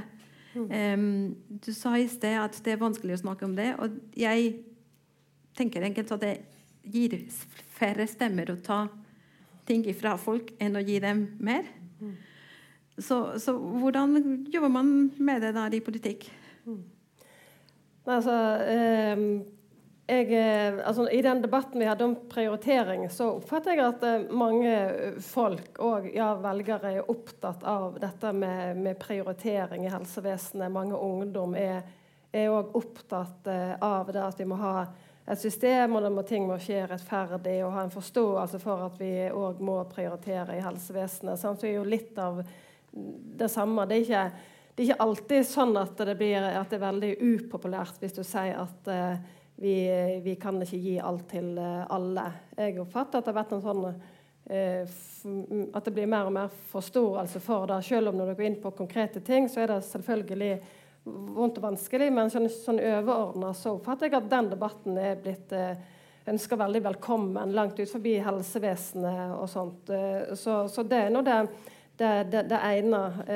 men Eh, ja, altså jeg, eh, jeg ser det jo òg. Det, det, er jo lett for oss som folkevalgte å ta de som roper høyeste. Ikke sant? De som har de sterkeste pasientorganisasjonene. De som er hyppigst møter på Stortinget, møter med oss. ikke sant? Eh, og eh, de som òg helseprofesjonene snakker mest om. ikke sant? eh, som har den høyeste statusen, det er jo, det er jo en risiko i, i, det som vi holder på med. Det innrømmer jo jeg eh, veldig gjerne. Eh, men eh, jeg tenker at det her med eh, over- og underbehandling, så er det jo òg for at eh, altså For det første så, så er det jo òg behandling som kan være til skade. Ikke sant? Man må huske på at En skal ta vekk et gode som gjør at du får dårligere helse. Det er jo på en måte å ta vekk noe som gjør Eh, at du blir utsatt for en unødvendig risiko som ikke, har, som ikke vil gi en helsegevinst. Og da tenker jeg En har òg et politisk ansvar å gi beskjed om det. At dette er faktisk et eh, tiltak, en screening f.eks., som ikke vil gi eh, helsegevinst. Da er det feil å gjøre det for den enkelte, men det er òg feil av bruk av samfunnet sine ressurser. Eh, og så, så er det jo ikke helt sånn entydig heller med at det er bare de sterkeste stemmene som kommer opp. ikke sant? Altså, det har jo vært mange som har snakket om rus og psykisk helse. Sant? Det blir nevnt i hver eneste nyttårstale nå siden ja, sant? Masse som altså, det, Men likevel så blir det jo ikke prioritert sånn som de skal. Sant? Men altså, det er jo heller ikke sånn at uh, vi ikke snakker om de små pasientgruppene og de som eh, vi vet eh, får for lite helsehjelp. Sant? Så det er jo litt mer nyansert enn som, som så vil iallfall jeg si. det. Og så prøver jo jeg eh, ofte òg altså En har jo òg et selvstendig ansvar, tenker jeg. Eh, sant? Og faktisk bry seg for de du, du, ser som kanskje ikke kommer høyest opp sånn ellers da, i overskriftene på, på avisene. Og det som, min, det som jeg syns er vanskelig, da, det er jo de som er virkelig små pasientgrupper sant, som ikke kommer gjennom heller i sånn metodevurderingssystem, for det er ikke nok pasientpopulasjon her. Altså, det er vanskelig, selv om vi har sagt at vi skal være mer åpne og, og sånn for de vurderingene. Men altså, de, er, er, de, de har jeg litt dårlig samvittighet for. Altså, for de er ikke tilpassa systemer, og de er virkelig slitere. Um, så Uh, og, og, jeg opplever jo der òg at det ikke er så enkelt heller å løfte det ikke sant, politisk. For du får de har jo aldeles ikke media med seg. Mm. Så, så, ja, så, så, det er litt begge deler, tenker jeg, eh, på, på, det. Ja, det er eh, litt vanskelig å vite hva som kan være skadelig for den enkelte av og til. Men det, ja. En ting som vi har snakket om, og som eh, vi hadde satt som et av de hovedspørsmålene for i dag, er dette med, med hvordan, hva skjer med de gruppene som er litt annerledes. Folk som har annerledes forventninger til helsevesenet. De som, hvor, da hvor dialog kan bli litt mer komplisert eller kompleks. Vi tenker f.eks., men ikke bare på, på, innvandrere som en slik gruppe. Du nevnte at ikke-vestlige Dere vurderer å ha ikke-vestlige som faktor for risikofaktor. Og det har også sånn Da er det faren stereotypier. Sant? Det er mange ressurssterke ikke-vestlige innvandrere. Så det, det er alltid vanskelig. Men, men um, jeg jobber en del med ikke-innvandrere innvandrere som ikke er fra vestlige land. Og da er forventningene når man kommer til legen, annerledes. Vanligvis. Igjen, vi antar at det er enda mer forve- forskjellig enn det de har. Men, men eh, det med å bli møtt, og det har vi faktisk undersøkt, at det med å bli møtt med en slags dialog av det som du foreslår, blir oppfattet som at 'jeg får ikke dette fordi jeg er en innvandrer'. Dette dreier seg faktisk om det du har sagt at du ikke vil at det skal dreie seg om, om at du begrenser, sparer på meg. Em, så hvordan går det an å takle dette her? Eller de andre svake grupper som fra før ikke brukte legene så veldig mye? En eh, rusmisbruker som for tre år siden ble møtt med at 'dette trengte du ikke ha kommet med', og så er det i ferd med å ta en overdose. Altså, hvordan takler vi Hva er sikkerhetsnettet på dette? her? Hvordan takler vi annerledeshet med en slik kampanje? Har du noen tanker rundt det? Ja, jeg har det, og jeg brukte et eksempel eh, på det òg for å vise at eh, eh, det er noen utfordringer i møte med pasienter som ikke kjenner vår eh, måte å rigge helsetjenester på, og vår måte å på en måte ta kontakt hvis ting ikke blir bedre, vente og se litt, ha litt mer ekspektans. Eh, det er ikke like akseptert eh, overalt. Og jeg vet at eh, norske leger har et dårlig rykte blant en del grupper fordi at vi er for lite, bruker for lite medisiner, f.eks. Og også det med å bruke spesialisthelsetjenestene mer tidlig. Du kan gå direkte til spesialist i mange land, mens i Norge så er det jo mer at du går til fastlegen, eventuelt blir henvist videre, selv om det begynner å bli mange snarveier der òg. Så tenker jeg at eh, vi, vi forplikter å forklare hvorfor vi har satt opp på den måten, og hvorfor vi har det på den måten, og ta den dialogen på alvor med å si at det er den måten helsetjenesten Norge er bygd opp på. Du går på legevakta først, ikke rett på sykehuset. Du, du har på en måte et system som, sånn som vi har, eh, har laga det.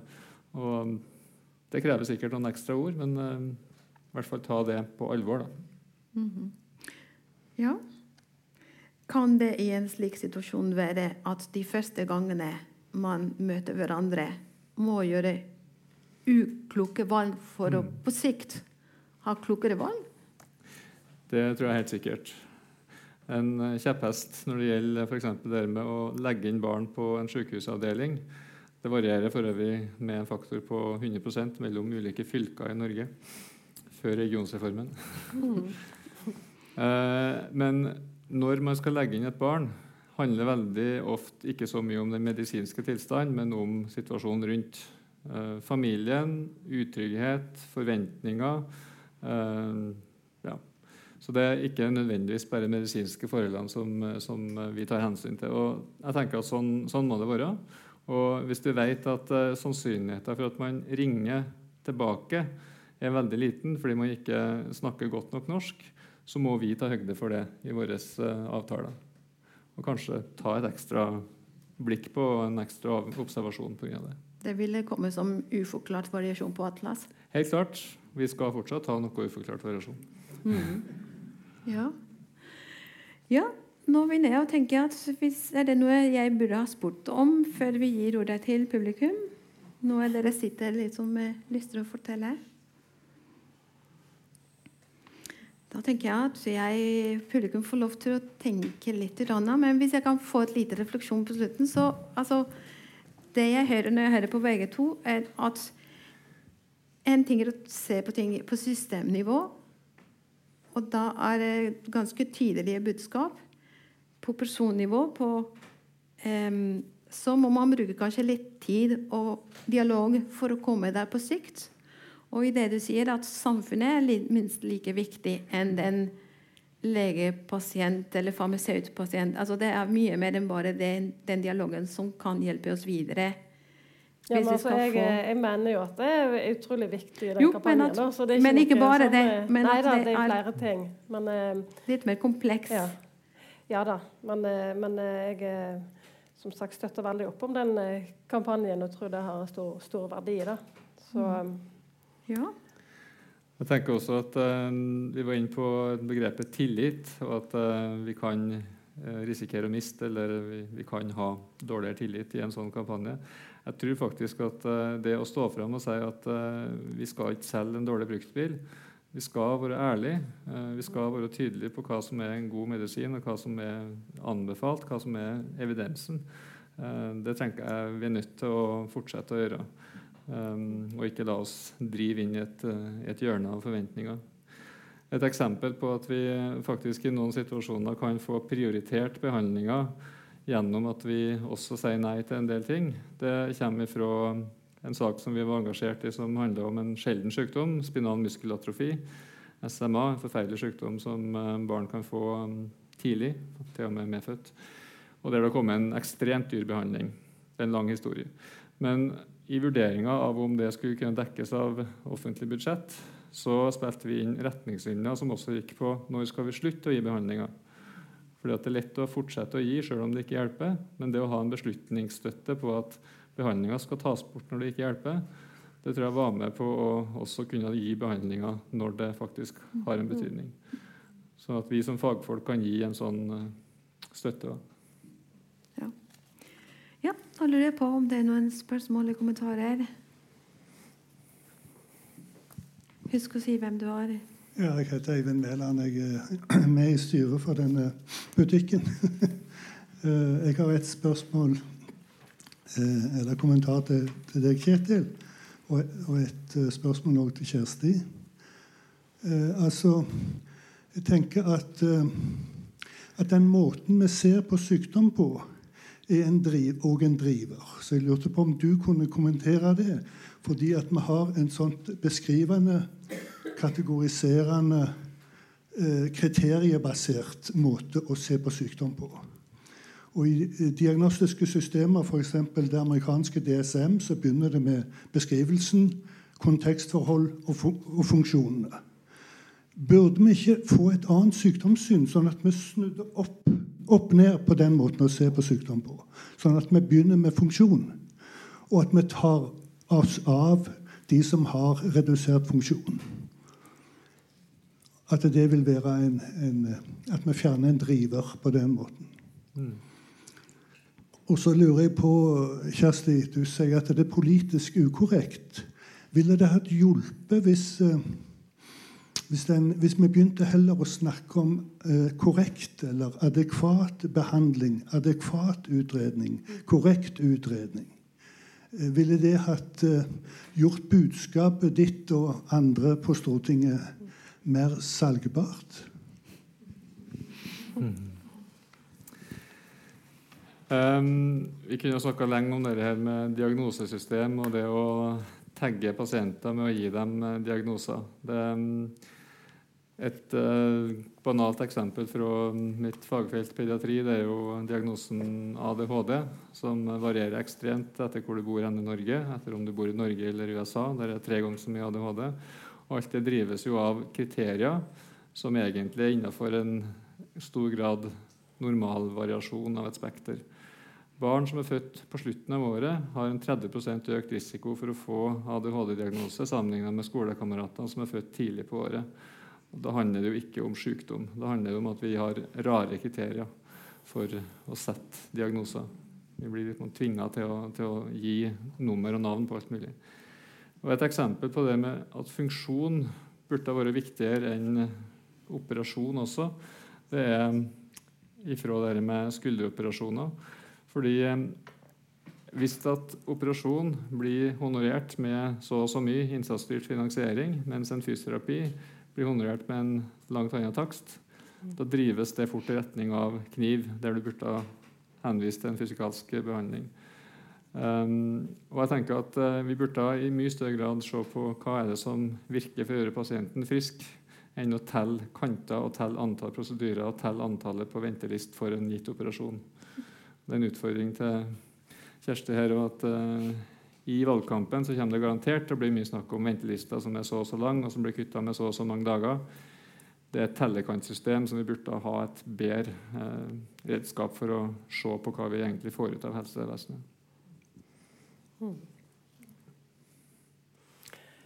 Ja, eh, jeg har jo syntes det har vært sånn absurd eh, ofte å høre på diskusjoner i Stortinget når en står og eh, på en måte krangler med hverandre da, om slags parti som eh, først bidrar til å oppnå målet om én million flere pasient, pasientbehandlinger.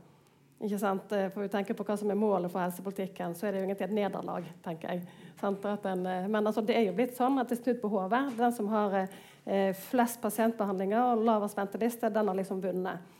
Ikke sant? Og så er det jo på en måte eh, helt noe annet som er, Da går det jo på prioriteringen mellom forebygging og behandling. ikke sant? Og hva, vi egentlig, hva som er en vellykka helsepolitikk. da. Sånn, apropos det med tellekanter. Men ja, det er sånn vi blir målt på eh, venteliste både i eldreomsorgen, så går det på antall sykehjemsplasser, ikke sant? og i spesialisthelsetjenesten så blir vi målt på venteliste. Det er liksom, det er sånn som alle bruker. Eh, og, og jeg er jo helt enig med deg at det er jo ikke et bra system å måle helsepolitikken på, eller partiene på, da. men det, er jo, det, er jo, sånn, sånn det er. Så bare litt til det første spørsmålet òg. Vi tar en kommentar til det. Da. For, jeg fikk ikke tid, men jeg, når jeg kom her til, så tenkte jeg på Verdens helseorganisasjon sin definisjon på, på, på hva god helse er. Og den er jo ekstremt streng. Da. Det er sånn fullstendig fravær av ikke bare sånn sykdom det altså har, dere, Kanskje noen av dere kan han, da, men, men han er bare sånn, det er, en, beskrivelse som ikke fins. Du skal ikke ha noen plage, verken psykisk eller fysisk. altså Det er en tilværelse som ikke fins. Altså, det er definisjonen på helse. Og Hvis en skal legge den til grunn, så er det ikke rart at vi, får, eh, at vi blir syke. Og da finnes det overbehandling og alt. Så, så, så, så, vet jo sant? Det er sikkert mange som jobber i helsevesenet her, men det er jo alltid en fare for at en behandler prøvene og ikke mennesket.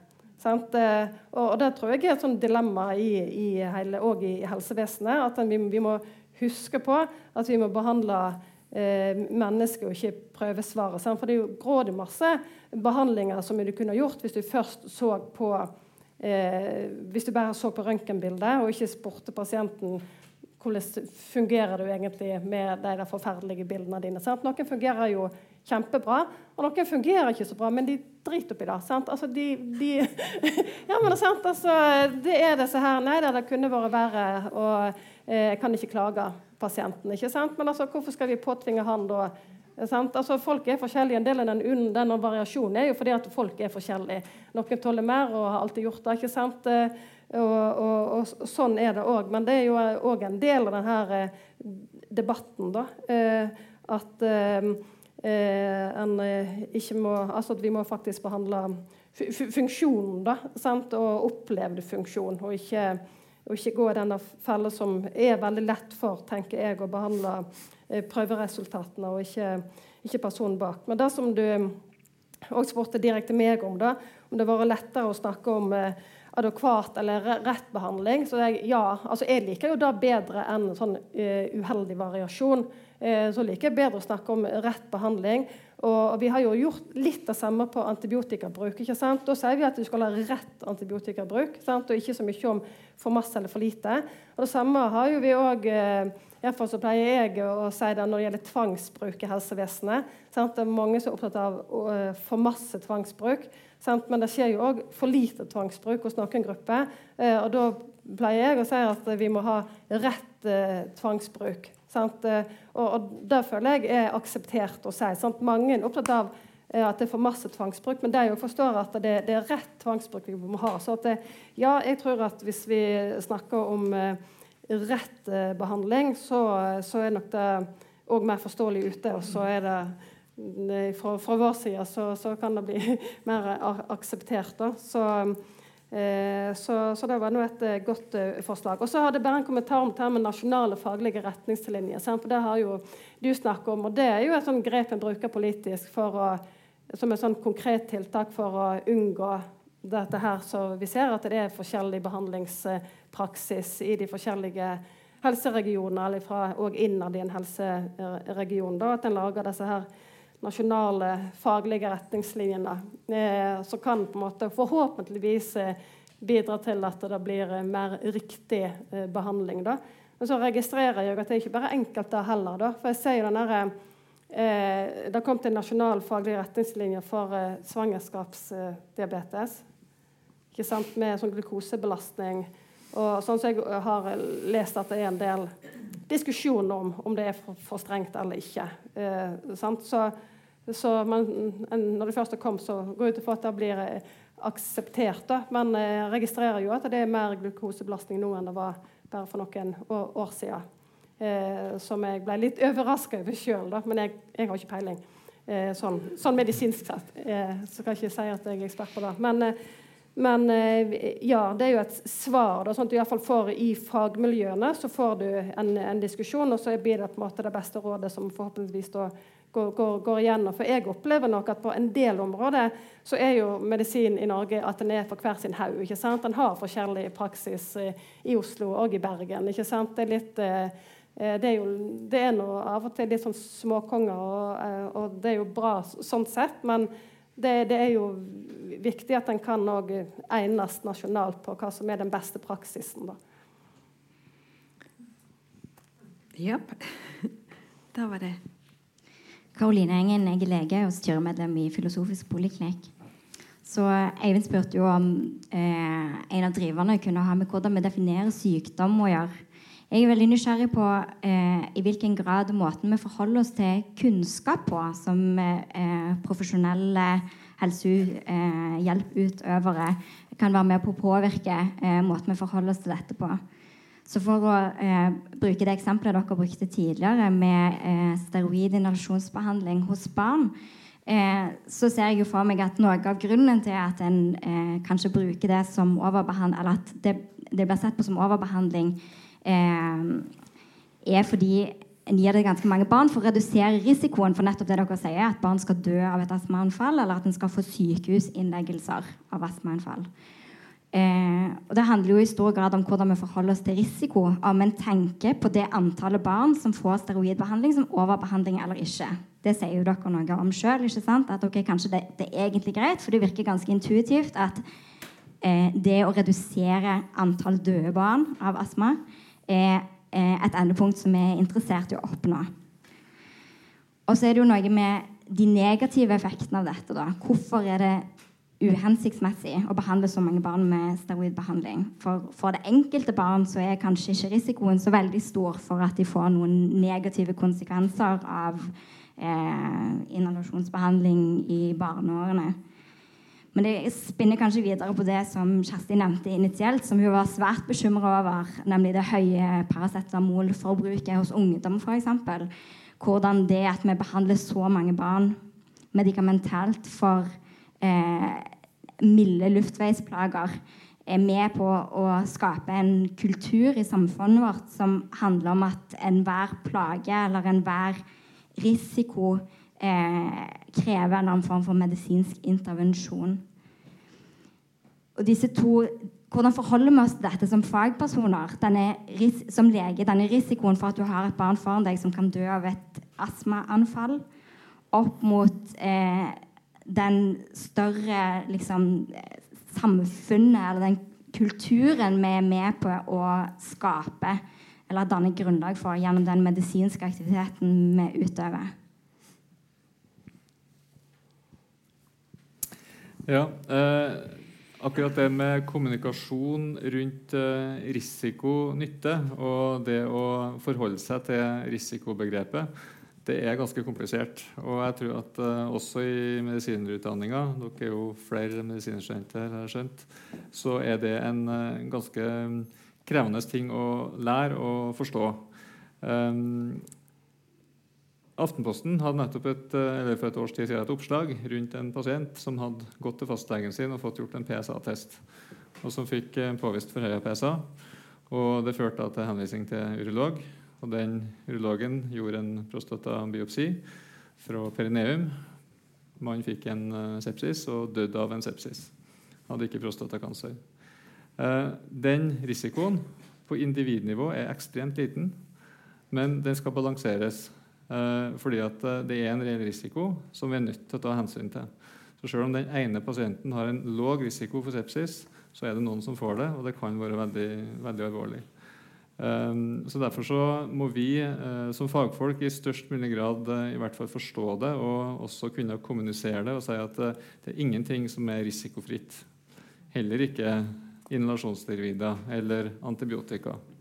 Um, selv om risikoen for hvert enkelt individ er ganske liten. I USA så hadde de over en tiårsperiode sett at det gikk en tredobling i bruk av CT-undersøkelser blant barn fra rundt 97 til 2007. Og Indikasjon for CT-undersøkelsene var stort sett mistanke om blindtarmbetennelse eller mistanke om eh, et hodetraume som har gitt en blødning. I og for seg Hos hvert enkelt barn så kunne det være en grunn til å ta det CT-undersøkelser.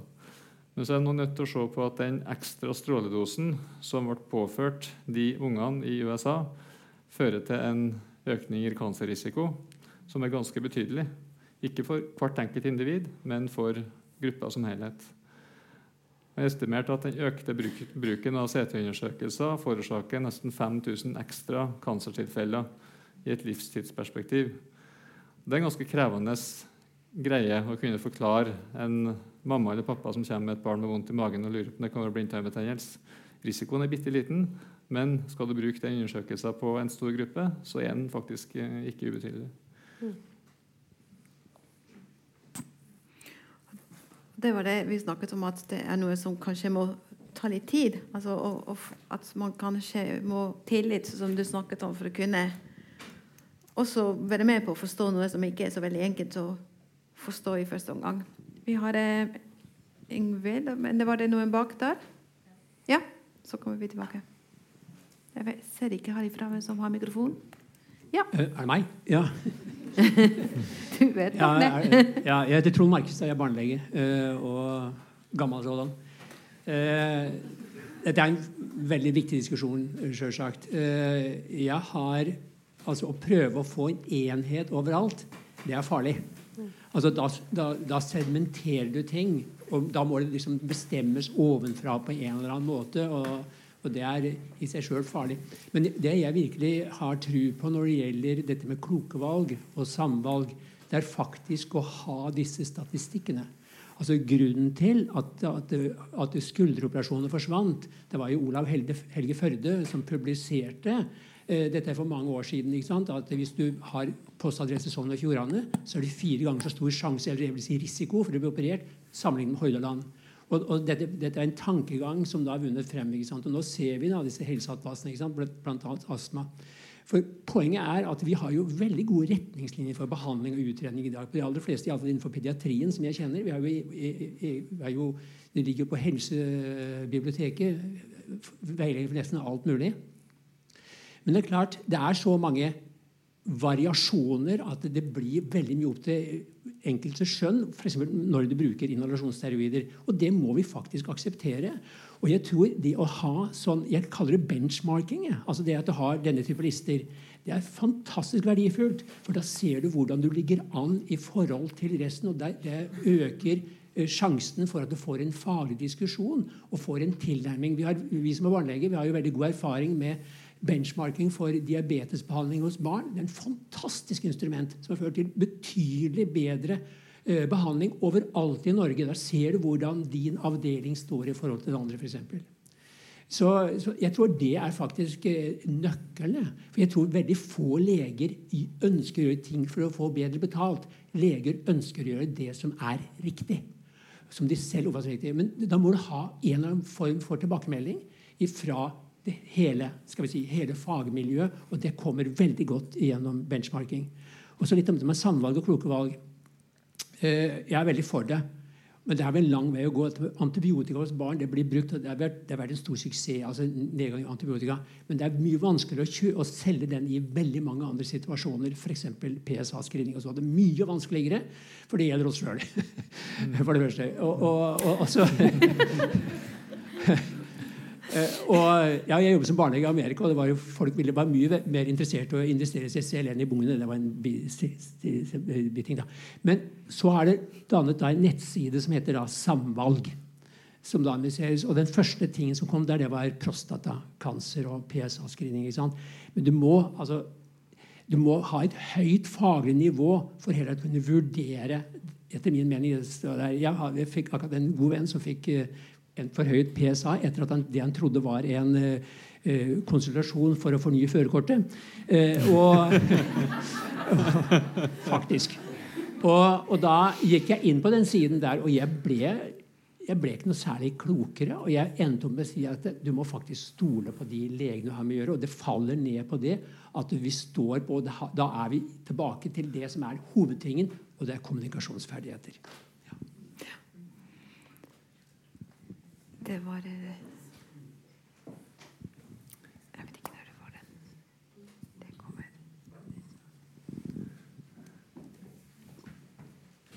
Jeg skal kommentere noe. Hvis du har behov for eh, Hvis du har noe å kommentere, så kan du gjøre det. Ja, ja, jeg bare Trond, du er en klok mann. Uh, og jeg kunne ikke være mer enig enn at det å vise data og det å vise egen praksis kontra naboen sin praksis, det er en veldig viktig læring. En veldig viktig indikator. og så er det sånn at Helseatlasene har vi et samarbeid med. Vi kommer til å komme ut med forhåpentligvis et helseatlas som også ser på konkrete anbefalinger gjør kloke valg. Hva har skjedd? Og Vi har noen eksempel som vi allerede vet av, med skulderoperasjoner og antibiotika. Vi skal ikke ta kred for alt fordi gjør kloke valg har kommet, for mye har jo skjedd av seg sjøl og lenge i forkant av, eh, av, kloke valg. Men innenfor ditt fagfelt, antibiotika til nyfødte, vi vet at det var stor variasjon. Vi viste fram dataene 2015-2016. Det som skjer, er at det stuper. Uh, ingen har lyst til å være outliere, og går tilbake sin egen praksis og korrigerer. Og det er et uh, kjempeeffektivt uh, virkemiddel. Ja. Ingvild Hannestad er gynekolog, også styremedlem i Filosofisk poliklinikk. Jeg kan uh, lansere alternativ til kloke valg hvis du syns det er provoserende. Esperanza. Uh, jeg tenker Bevisste eller gjennomtenkte valg kunne kanskje vært noen alternativer. For det er vel mye det det handler om, at vi gjør ganske mange ting. Uh, pasientene ønsker seg ting, og vi gjør ting uten at vi har tenkt veldig godt gjennom det. Uten at vi egentlig har diskutert konsekvensene av det sammen. Og så er jo de diskusjonene ganske krevende, egentlig. Eh, de er noen ganger ganske kjipe. Det er ganske kjipt å være den gynekologen som sier nei til at denne kvinnen som har gått til årlig kontroll hos gynekolog av helt uklar grunn i 20 år, ikke skal det lenger. Um, da, det er vanskelig. Jeg har en kollega som har sagt at jeg orker ikke mer enn et par sånne hver dag. Eh, for det er rett og slett eh, sånn at da blir folk så sure og sinte. Og du kan Jeg tror eh, det også kan være sånn, selv om du kan være ganske god til å, å forklare. Så her må vi eh, hjelpe hverandre litt og diskutere hvordan kan vi forklare dette her. Vi må ut med litt informasjon i media. Og innad i min gruppe, f.eks. jeg der mm, jobber ute i avtalepraksis, så vi får jo veldig mange av disse henvisningene som er dårlig begrunnet, egentlig skal vi sende det i retur. Det tar mye tid. Da skal vi forklare til fastlegen, og så er det fastlegen som må ta den jobben som fastlegen foreløpig ikke har tatt, med å si at dette er ikke nødvendig. Så vi må stå litt sammen i dette. her, Vi må, må på en måte motiveres som yrkesgruppe. For det er fem ganger raskere å ta den ultralyden enn å ta den diskusjonen. Og det er også noe av problemet her. Jeg får ikke lov til å kommentere noen ting, men jeg har veldig lyst til å kommentere det her likevel. Fordi sammen med det du sa, når vi, vi underviser i kommunikasjon til medisinstudenter, og kanskje bør vi ha enda mer vekt på å ta med spesifikt hvordan kommunisere eh, både risiko, det har vi jobbet med, men denne type samtalen hvor du må ta hensyn til verdiene til den andre og til dine egne, og forventninger, og samtidig se at dette har sannsynligvis en langsikts lang, langsiktig jobb. Det er kanskje lurt Hvis du gjør det med to hver dag på tre år, så har du gjort det med ganske mange. Ja. Men det var ikke jeg som skulle kommentere dette. jeg tenker at eh, det å ha gjennomtenkte valg, det er veldig, veldig klokt. Eh, det er litt mer tungvint å si. Uh, og så er det en uh, veldig kjent kollega, Archie Cochrane, som grunnla Cochrane Collaboration. Han har sagt noe som jeg ønsker å gjenta. Og det er at Han sier at Before ordering a test, decide what you will do if it is positive or negative. If both answers are the same, don't take the test. Og akkurat det eh, vet jeg at mange av oss har en jobb å gjøre på. Og jeg tror at uh, yngre leger og medisinstudenter trenger å bli bevisst på det. Tenk før du tester. Veldig mye av strømlinjeforminga i akuttmottakene uh, går på at man tar tester, man tar pakker, man tar prøven omtrent før pasienten er gjennom døra, og ender opp med en masse informasjon som du egentlig ikke trenger. Uh, sånn at det å ha en gjennomtenkt strategi for undersøkelser og blodprøver, det tror jeg vi har veldig mye å hente på. Um, ja. Ja, kunne kommentere deg, da. For, for jeg, jeg, er jo enig i at uh, Altså, jeg, jeg, jeg, mener ikke at alt dette her kan vi få til til å fungere ved at uh, leger skal lære opp pasientgruppa si. Sant? Det er liksom et større problem enn som så. Det går på at uh, befolkningen som sådan opererer mer som kunder i et helsemarked. Ikke sant? De har forventninger til at uh, det som jeg har eh, lyst på, det skal jeg få. Altså, og mer sånn uavhengig. Jeg skal ha tryggheten min, uh, og det er det det handler om. Hvis jeg ikke får det i det offentlige, så er det masse private jeg kan gå til. Jeg har penger til å betale det. Sant? Og, da, og når det er blitt sånn, så, så, så blir det en slags sånn holdningsendring. Eh, Det blir jo en kultur der ute for at det er sånn som legene skal, skal gi meg. Og da er det jo utrolig vanskelig sant? for deg å sitte der og bruke Eh, enten å bruke altså Du vil bruke like mye tid på å, å, å avvise sant, som, å, som, å, gjennomføre. Og så, og så går det, det, sånn. Og så er jeg jo opptatt av at eh, vi òg på altså Helsedirektoratet har jo snakket om sånne kampanjer. altså Det som skjedde med antibiotika, sant? det skjedde ikke bare på det skjedde jo òg på, på, kontorene, ikke sant? men det ble jo en stor offentlig debatt? Og jeg tror liksom Det nesten viktigste som skjedde, det var når Hege Gjessing ikke turde å, å, å, å ta i kyllingen sin. Sant? Eh, fordi det var snakk om narasin og, og, og spredning. Sant? Det var en vekker for folk. da. Eh, og folk ble jo, fikk jo helseangst med motsatt fortegn. Sant? Med at eh, OK, dette her er jo det, det, er jo farlig for oss å ta imot behandling. ikke sant? Og Da, da snudde den. ikke sant? Men altså, det var en offentlig debatt og som jeg mener bidro til at vi klarte å snu det i helsevesenet. Det var ikke bare mellom For det, er rett og slett for, for vanskelig. Sant? Selv om jeg har stor respekt for at en kan klare å oppdra sine pasienter hvis en har den samme over tid, så, så, er jo på en måte at Vi snakker jo nå om helsenæring som den store, nye næringen i, i Norge. ikke sant? At dette er jo svære greier. Og, eh, og, og alle de private som annonserer for tilbud Altså, det er jo ikke sånn som det var for, eh, for 30 år siden heller. Eh, så, så, jeg er jo litt Altså, jeg, jeg syns jo det er litt vanskelig dette her òg, Selv om en skal være optimistisk og en gjør det som en kan gjøre. Men, eh, men eh, vi må vi må òg gjøre noe på systemnivå, tenker jeg. Eller iallfall bidra til eh, eh, kunnskap og sånt med med ja, f.eks. Eh, kampanjer og, og, sånne ting. Det håper jeg òg kan, eh, kan, bidra. Da. Du har en kort replikk? Så, ja. Mm. Eh, ta, ta mikrofonen. Jeg har ikke oh, ja, var en, Vent litt, altså, ellers kan ikke de høre det.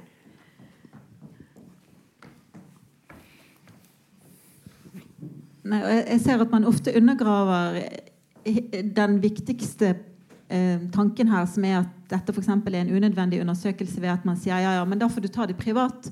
For Poenget er at vi skal si at du trenger ikke denne undersøkelsen, og du skal heller ikke ta den privat. Mm. Eh, for det er det som på en måte blir litt sånn redningssvaret da, når de ringer og snakker med en helsesekretær som sier at nei, du kan ikke komme her for en sånn sjekk. Sant? Du får heller gå privat. Vi, egentlig må vi slutte å si det òg. Mm. Ja. Takk for det. Så tilbake der, så kommer vi frem etterpå. Mye trening på deg.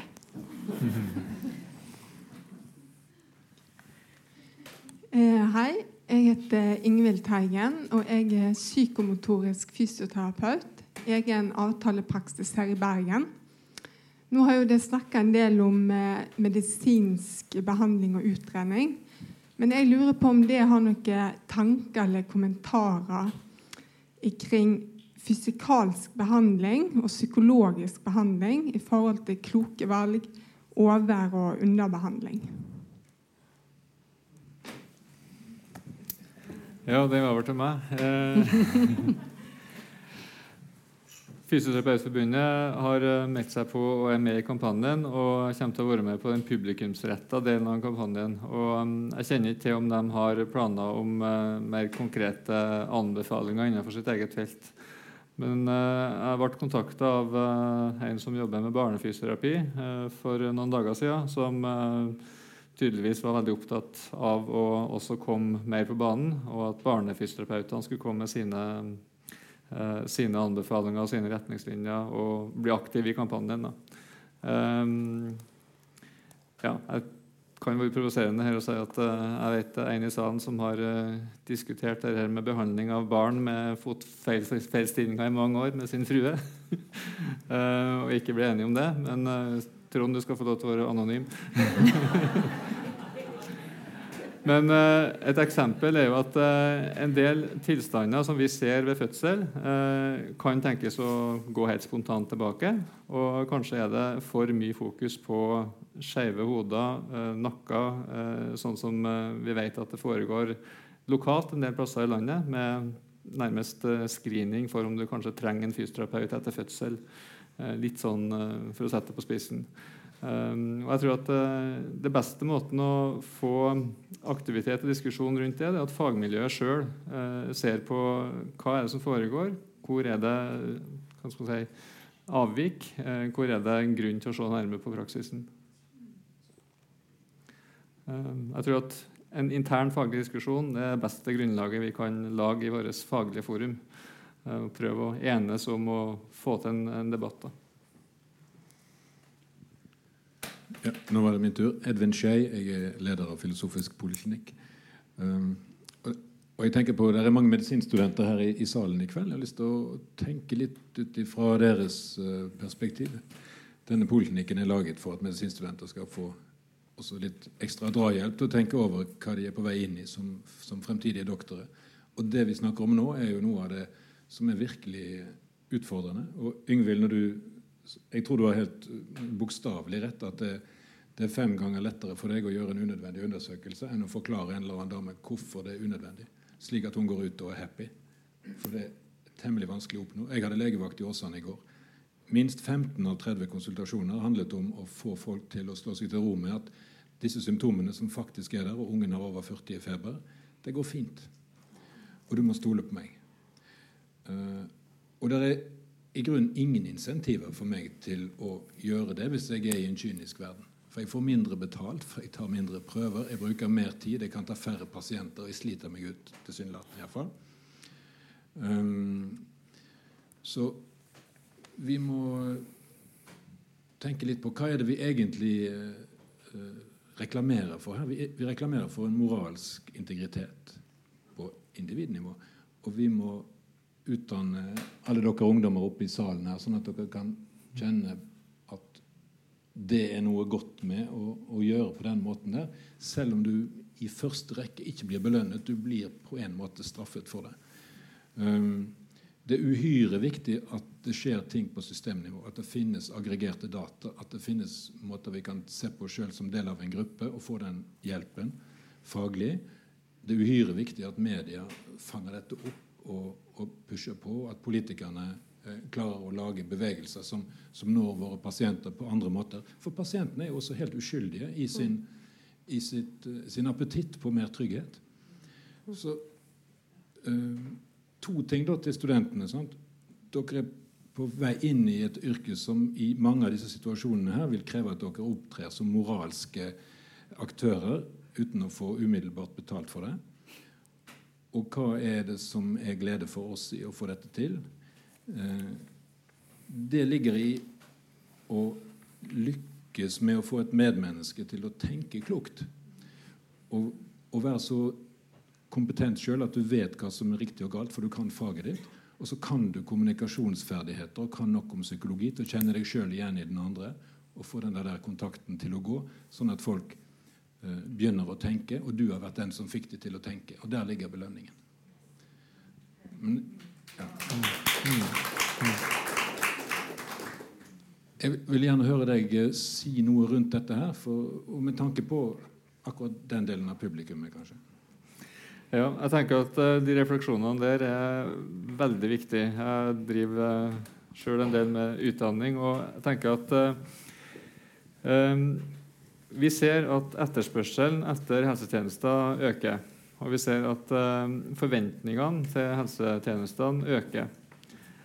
Og kanskje er det ikke noen naturlov som tilsier at det skal gå den veien til enhver tid. Og så tenker jeg at vi som profesjon også må gå litt i oss sjøl og spørre hvorfor øker det. Er det fordi at vi påfører eller ikke lærer pasientene at uh, egenomsorg er god omsorg? Lærer dem at uh, neste gang at barnet har 40 feber, så trenger du kanskje ikke å gå på legevakta så lenge ungen er i god form? Altså Den typen anledning til å si noen ting om at uh, her kan du gi godt med væske, sørg for at ungen får i seg mat, observer etter faretegn, men ikke spring til doktoren med en gang. Fordi at den gangen at eller når vi leverer og til stadighet leter etter en grunn til å tilby litt ekstra og på en måte um, tilfredsstille vår eget ego med å levere en behandling, så tenker jeg at vi gjør noe uhensiktsmessig for pasientene. Vi burde heller eh, sørge for at pasienten blir bedre rusta neste gang til å takle situasjonen og forstå litt mer av hva er det som er et faresignal, når er det jeg skal gå til doktor, hva kan jeg gjøre sjøl. Jeg tror at En del av økningen av helsetjenester det skyldes en spiral av at vi leverer. Vi tar kanskje litt for mye omsorg fra pasienten. Litt for mye av egenomsorgen overføres på helsevesenet, og da har vi en spiral. Um, hallo. Hei. Ja. Uh, Erik heter jeg. Jeg er bare en eh, vanlig student. Jeg er ikke legestudent. eller noen ting. Uh, men uh, jeg tenker at mye av problemet er at vi trenger en annen si, undervisning av befolkningen generelt. For de, viser, eller, de, de, fleste av oss har jo på en måte blitt oppvokst med at det, hvis du har et problem, så kan du gå til legen eller apoteket og ta noe som kommer til å gjøre deg frisk. Og når folk da på en måte har en eller annen vondt eller en eller annen plage, sant? og så har de jo en forventning at jeg kan gå til legen, jeg kan bli frisk. Eh, og, og, da vil jo en, altså enhver sunn, fornuftig person vil jo da prøve å presse på dette. siden han, intelligent person vil jo bli frisk. Eh, men det, det, er der litt av problemet ligger. sant? Altså, vi har en hel befolkning på en måte som har blitt overbevist eller fra tidligere generasjoner blitt overbevist om at det er sånn ting fungerer. Eh, og hvis du leter lenge nok etter ting, du, og du har titusenvis av diagnoser du kan få, så lenge du tar nok undersøkelser til slutt, så kommer du til å finne noe som matcher deg og dine problemer. Eh, det er jo garantert. Um, og jeg, det er en ting jeg tenkte på, jeg skal si en annen, en annen liten ting som vi har snakket veldig mye om i dag. Det er som variasjon i, i diagnoser og sånn. Um, du nevnte ADHD, f.eks. Uh, at det er variasjon i Amerika og her, og den endrer seg sikkert kontinuerlig. Um, og jeg tror at eh, ting endrer seg bare med medieoppslag. Altså Når foreldre og folk blir bevisst på Oi, dette er en diagnose, jeg må sende ungen min for å bli diagnostisert for dette. Eh, da går dette i bølger. Eh, at det, Hvis det kommer plutselig veldig mye oppslag, så vil, ja, vil vi naturligvis få en økning. Og i, i tillegg så Ja, nå glemte jeg egentlig hvor jeg skulle ha hint med den. men jeg føler egentlig jeg har fått sagt det jeg hadde. at vi trenger en undervisning av befolkningen og et skifte eh, på hva det betyr å være syk og, eller ha vondter og plager, og hvordan det går an å fikse dem. Og, eh, ja. Har du lyst til å gi den undervisning? Skal jeg være Ja. Vil vil? Ja, nei, jeg, jeg, jeg, jeg ler litt, for det, liksom, det var som jeg skulle sagt det sjøl. Jeg, har, eh, jeg er bare helt enig med deg. og Jeg, eh, jeg, jeg sa det litt sånn før vi kom her, da, at jeg, eh, jeg har jo vært sånn sett oppgitt over mine egne unger. da. Sant? Nå er jeg utdannet lege, faren er lege, men likevel så har de jo, er jo de verste til å kreve ja, men jeg må jo ha en helsesjekk. Eh, eh, jeg har ikke vært til lege på mange år. Nei, men du er ung og frisk, du trenger ikke gå til lege. Ja, men alle må jo sjekke helsa si. Altså, til og med de som jeg skulle jo være kloke og fornuftige, har ikke forstått eh, eh, liksom dette her med hva, hvorfor du skal gå til lege, og hvor tid. ikke sant? Og, og det med Paracet-bruken som jeg var, var, var inne på da, ikke sant? Eh, med det store forbruket. Og de fleste oppgir at de får medisin av mora si. Ikke sant? Eh, for de er jo, det er jo 18-årsgrense, de får ikke kjøpt det sjøl. Og da er det jo tillært eh, helsehjelpeløshet. Ikke sant? Sånn at eh, ja, vi trenger en stor altså Om det skal mer inn i skolen Jeg vet at når det gjelder Paracet, så har jo en i Finland, mener det var, det har jo eh, Legemiddelverket der utarbeidet et sånt eh, undervisningsopplegg som går nettopp på hva som er god medisinbruk. ikke sant? Sånn at en kan gå inn i skolen og lære ungdom litt om det. For det er nødvendigvis behov for det, tror jeg. Men òg at en eh, på en eller annen måte uh, får en uh, større trygghet. Det, altså, det er det det handler om. Altså, foreldre har ikke trygghet for altså, de, de, oppsøker jo helsevesenet fordi de er redd for at de skal oversette noe. ikke sant? En må få tilbake den der helsetryggheten i samfunnet som på et eller annet vis har blitt viska ut med generasjoner, og kanskje det moderne samfunnet ikke vet jeg. Jeg pleier ofte å si at Før hadde de jo en bestemor de kunne spørre til råds, og de stolte på det rådet de fikk, men sånn, sånn er jo ikke det lenger. ikke sant? Men litt eh, at en må på en eller annen måte få, få, tryggheten tilbake igjen. Og mye kan jo skje med en klok eh, fastlegespesialist sånn, som gir de den tryggheten for framtidige konsultasjoner. Men, men, det er jo på en måte sånn over hele linja at det blir en Eh, at folk er for uh, utrygge, og at en til dels blir opplært til sånn hjelpeløshet. Og så mener jo jeg da, at uh, med den privatiseringen som er, og at det er altfor mange som er der ute og ønsker å si, rett og slett tjene penger på, på, dette her, så blir det ikke lettere. ikke sant? Da, en, da er det jo alltid et eller annet tilbud der som du kan bruke hvis, hvis ikke. Så så, så, det er jo et, en kjempeviktig problemstilling. og så er det ikke helt sånn enkelt svar på det, men jeg vil i hvert fall si at jeg er utrolig opptatt av eh, akkurat det samme, og hva vi kan gjøre eh, på forskjellige nå for, eh, for, å bedre på den situasjonen. Da. Mm. Jeg syns du har veldig kloke innvendinger, selv om du ikke er medisinstudent. Og jeg tenker at eh, Som Kjersti, det er noen eh, faktisk som lever av eh, å spre helseangst. Som lever av å selge tjenester som ikke har noe for seg. Og noen medier faktisk, som gjør store penger på å selge bekymring og selge helseangst. Nok å gå på digitale medier, så ser dere stadig oppslag om symptomer som burde føre deg til ja, som er varselsymptomer, og du burde egentlig gå til doktor jo før eller. Og sjelden kvalitetskontrollert. Så jeg ønska meg en medisin mot um, helseangst. og jeg tror at uh, En av de sterkeste medisinene vi har, det er jo informasjon. Og jeg tror at vi som fagfolk kan være mer aktive ut i befolkninga, ut i media. Uh, sosiale medier er redd for. Eh, vi vet at veldig mye informasjon rundt eh, nye diagnoser det spres eh, som ild i tørt gress på mammablogger og i ymse sosiale medier. Det er vanskelig å få grep på det, og det er livsfarlig å ta i, for du får en voldsom reaksjon. Vi har hatt en eksempel på det i Barnelegeforeninga. Men i hvert fall i de mediene som vi på en måte har litt mer si, oversikt over, så tror jeg vi har en stor jobb å gjøre. og vi vi må tørre å stå der. Kan jeg få lov til å spørre deg om noe? Fordi Når jeg snakker med pasientene mine, så er det altfor ofte jeg gir informasjon, men bruker veldig lite tid til å lytte først. Mm. Så er det noe mer enn informasjon vi trenger, kanskje? Jeg er jo redd for å si at fastlegene må bruke mer tid. men jeg er ganske sikker på at eh, det er ganske godt anvendt tid. Vi vet at det koster noen ekstra, eh, jeg tror det er ca. ett minutt ekstra, å avslutte en konsultasjon uten å skrive en resept, kontra å skrive en resept. Men jeg tror at den spiralen den blir forsterka av å skrive den resepten, for da får du pasienten tilbake igjen gang etter gang. Så um, kanskje er det god, god investering i tid. Lytte før du gir informasjon.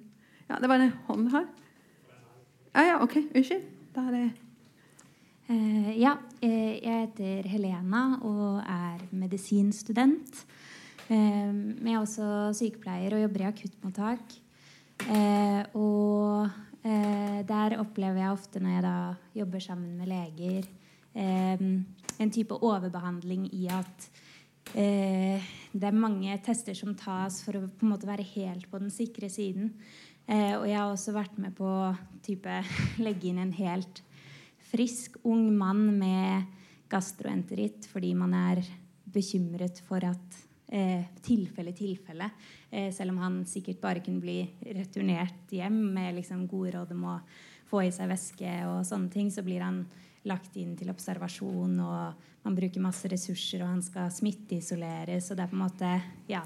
Så eh, jeg tenker at Eller jeg, jeg, er litt interessert i å høre deres tanker rundt det her med eh, hva man skal gjøre da, som eh, fagperson eh, når man er eh, på en måte engstelig for å overse eh, viktige ting. Og mitt eksempel med den gastroenteritten er kanskje litt satt på spissen. At noen ganger er det også viktig å tenke sånn eh, worst case-scenario og gjøre undersøkelser basert på det. Men ja, litt interessert i å høre deres, høre deres meninger knyttet til det. En av de viktigste driverne som ble pekt på i den uh, spørreundersøkelsen vi hadde for overbehandling, driver bak overbehandling, det var jo eh, engstelse for å ta feil. Og Det tenker jeg er helt rimelig. Ingen doktor har lyst til å ta feil. Ingen har lyst til å miste en, uh, en viktig diagnose eller starte behandling for seint når det står om liv. og Vi må alltid ha det først i panna. men så tror jeg at vi kan være tydeligere på å si at det er den algoritmen vi jobber etter når vi sier at eh, vi undersøker det først, så er det ikke fordi det er mest sannsynlig, men det er fordi det er det vi er nødt til å ta størst hensyn til akkurat da. Um, så litt sånn uh, igjen undervisning av pasienten. Når vi har utelukka det, det og det, så kan vi kanskje si at ting går over. Og så er det sånn at Erfaring uh, tror jeg gjør at du er tryggere i å ta kloke valg. Og man må ha litt større sikkerhetsmargin når man har lite erfaring på baken. Det tror jeg vi kommer, eh, ikke kommer utafor. Noen sykehus har jo løst det til en viss grad med å ha spesialister litt mer framskutt, sånn at de er i mottak og, og i større grad tilgjengelig. Uh, men det er en kontinuerlig læringsprosess. og um, jeg vet at de yngste kollegaene har lettest for å ta flest undersøkelser og er mest redd for å ta feil. Og jeg tror det er vanskelig å komme forbi at sånn er det nødt til å være. Ja, jeg kom til å Eline heter jeg forresten. Jeg er psykologistudent. Jeg pleier å spøke om at hun eh, ved siden av meg og meg til sammen er snart en psykolog. Men i hvert fall så kom jeg til å tenke på et sitat fra Voltaire, tror jeg man uttaler det. Uh, the arts of medicine consist of amusing the patient while nature cures the disease. Og Av og til så tenker jeg at det handler om å prøve å finne den minst eh, ille måten å intervenere på. Da, og minst mulig risiko for å unngå å skape mer sånn iatrogene problemer. Uh, sånn at pasienten plutselig begynner en behandling for et eller annet, og så legger man til mer og mer. For det virker som det er det som noen ganger skjer. da. I hvert fall med pasienter som har sammensatte lidelser eller komorbide lidelser, samforekommende lidelser. Men så kommer jeg også til å tenke på det som ble nevnt i begynnelsen her, at det er veldig stor forskjell på å vurdere lidelser ut ifra en diagnose og ut ifra funksjonsnivå. Og jeg lurer på med denne kampanjen spesielt da, om det er noe man kan risikere at blir kanskje litt forsterket. og Om dere har noen tanker om det? Jeg diskuterte nylig med en lege som hadde hatt en samtale rundt den problematikken der med en overlege, som var veldig på at ja, men f.eks. en pasient som var knappe 20 år. At ja, men dette er kronisk invalidiserende, vi kan ikke gjøre noe med det. Og derfor, altså andre med den diagnosen går det forresten ikke så bra med, så vi gjør ikke noe. Og da tenker jeg litt at Hvis du da legger til den kommentaren om ok, eh, trenger pasienten en erklæring til Nav, så føler jeg at da går man litt i feil retning, kanskje. At hvis man ser mer på funksjonsnivå, er det noe man kan gjøre for denne kanskje vanskelige pasienten for å øke funksjonsnivået, så vil det være veldig mye gevinst å hente på det versus å pushe noen mer mot trygd eller ja. Um, og jeg lurer på om den gruppen kan rammes litt av den kampanjen, eller om dere har noen tanker på hvordan man kan motvirke det. Ja, jeg er ikke helt sikker på om jeg har skjønt riktig eh, hva du, hva du tenkte. Men en som har jobba veldig mye med diagnosesystemene i DSM-3, så vidt jeg vet, eh, en amerikaner, kommer ikke på navnet i farten, han har gått veldig kritisk ut i etterkant og sagt at uh, måten de har bygd opp uh, diagnosesystemene på, uh, gjør veldig mange til pasienter. Altså Man har et sånn kriteriebasert system som gjør at du definerer veldig mange som syk, som kanskje egentlig ikke er det, fordi at de har en funksjon som ikke tilsvarer en sånn diagnose. Um, litt det samme opplever jo mange som studerer medisin, eksempel, at de har ganske mange symptomer, men så har de en ganske bra funksjon, så de har ikke en sykdom likevel. og Derfor litt tilbake til det som ble sagt i starten her, at uh, funksjonsnivå er kanskje mye viktigere enn uh, navn på en lidelse eller på en, på en tilstand. Ja, jeg bare lurer på det fokuset på å behandle mindre, om man kanskje kjører seg enda mer fast på at okay, disse diagnosene er litt mer håpløse og vanskeligere og kjipere. Altså kjipe pasienter med komorbide tilstander. Om man da kjører seg litt fast i det at hvis ikke det finnes en kur, så kanskje ok, men da må vi bare erkjenne det og så gå videre. Istedenfor kanskje fun uh, fokusere mer på funksjonsnivå, lindring. Hva kan gjøres for at denne pasienten får et meningsfullt liv som vil gjøre at de oppsøker oss mye mindre, f.eks. Ja. Uh, videre. Og ikke trenger masse psykiatri fordi at de har et liv hvor de ikke får lov å delta. Sant? Det er jo En av de viktigste tingene for at vi unngår å se folk, er jo at man er yrkesaktiv og man får fungere i hverdagen med andre. Mm. Ja, jeg tenker at Det kan være en fare med et uh, diagnosesamfunn. Uh, men jeg ser kanskje ikke at helt en sånn kampanje eh, sementerer uh, en sånn, sånn holdning. jeg håper i hvert fall ikke det. jeg er i hvert fall opptatt av at diagnoser skal settes når de betyr noe, og ikke fordi de tilfredsstiller et sett med kriterier. sånn formelt sett. Nå ser jeg bare en hånd til, og da tenker jeg at vi runder av. Det var en person helt Ja.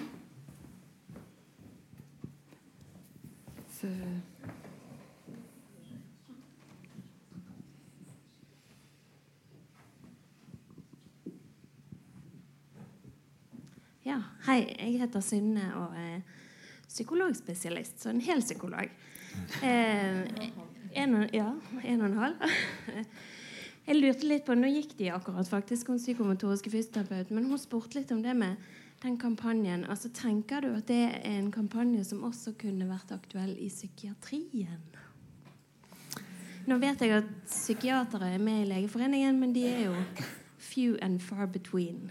De fleste mm. av oss i psykiatrien er jo psykologer og mm. sykepleiere. Mm. Er det noe dere har snakket om, eller har det vært vi har eh, sparka psykiaterne på leggen og sagt at vi veldig gjerne vil ha med dem òg. Eh, personlig vært i kontakt med barne- og ungdomspsykiaterne og sagt at uh, vi tror at dere har mye å uh, utrette i en sånn kampanje. det var litt på steingrunn. Vi har ikke fått helt store responsen. Men vi håper jo at flere fagmedisinske foreninger skal bli med, for vi tror at det er mange som har en, en jobb å gjøre. Psykologforeningen? Unnskyld? Psykologforeningen, er de de er ikke med så langt, men uh, velkommen. Ja. Vi har kontakta de. De er i tenkeboksen. Ja, de er i tenkeboksen. Ja, nemlig. Bare halvt på siden vi kontakta de. De er i prosess. Nå tenker jeg at vi kan uh, runde av. Det var mange gode tanker og kommentarer. Og jeg vil takke dere begge to for refleksjoner og for å komme her og snakke med oss i dag. Jeg vil takke publikum for å være aktiv og med oss. Og så vil jeg informere at neste møte er 5. februar. Tittelen er 'En pille for alt som er ille'. Så vi går litt i samme Og da er det journalist og forfatter Nils og jeg klarer ikke å Geir Mynden. Som kommer og skal snakke med Edvin Skei og dere. Så velkommen skal dere være og hjertelig tak igjen. Takk.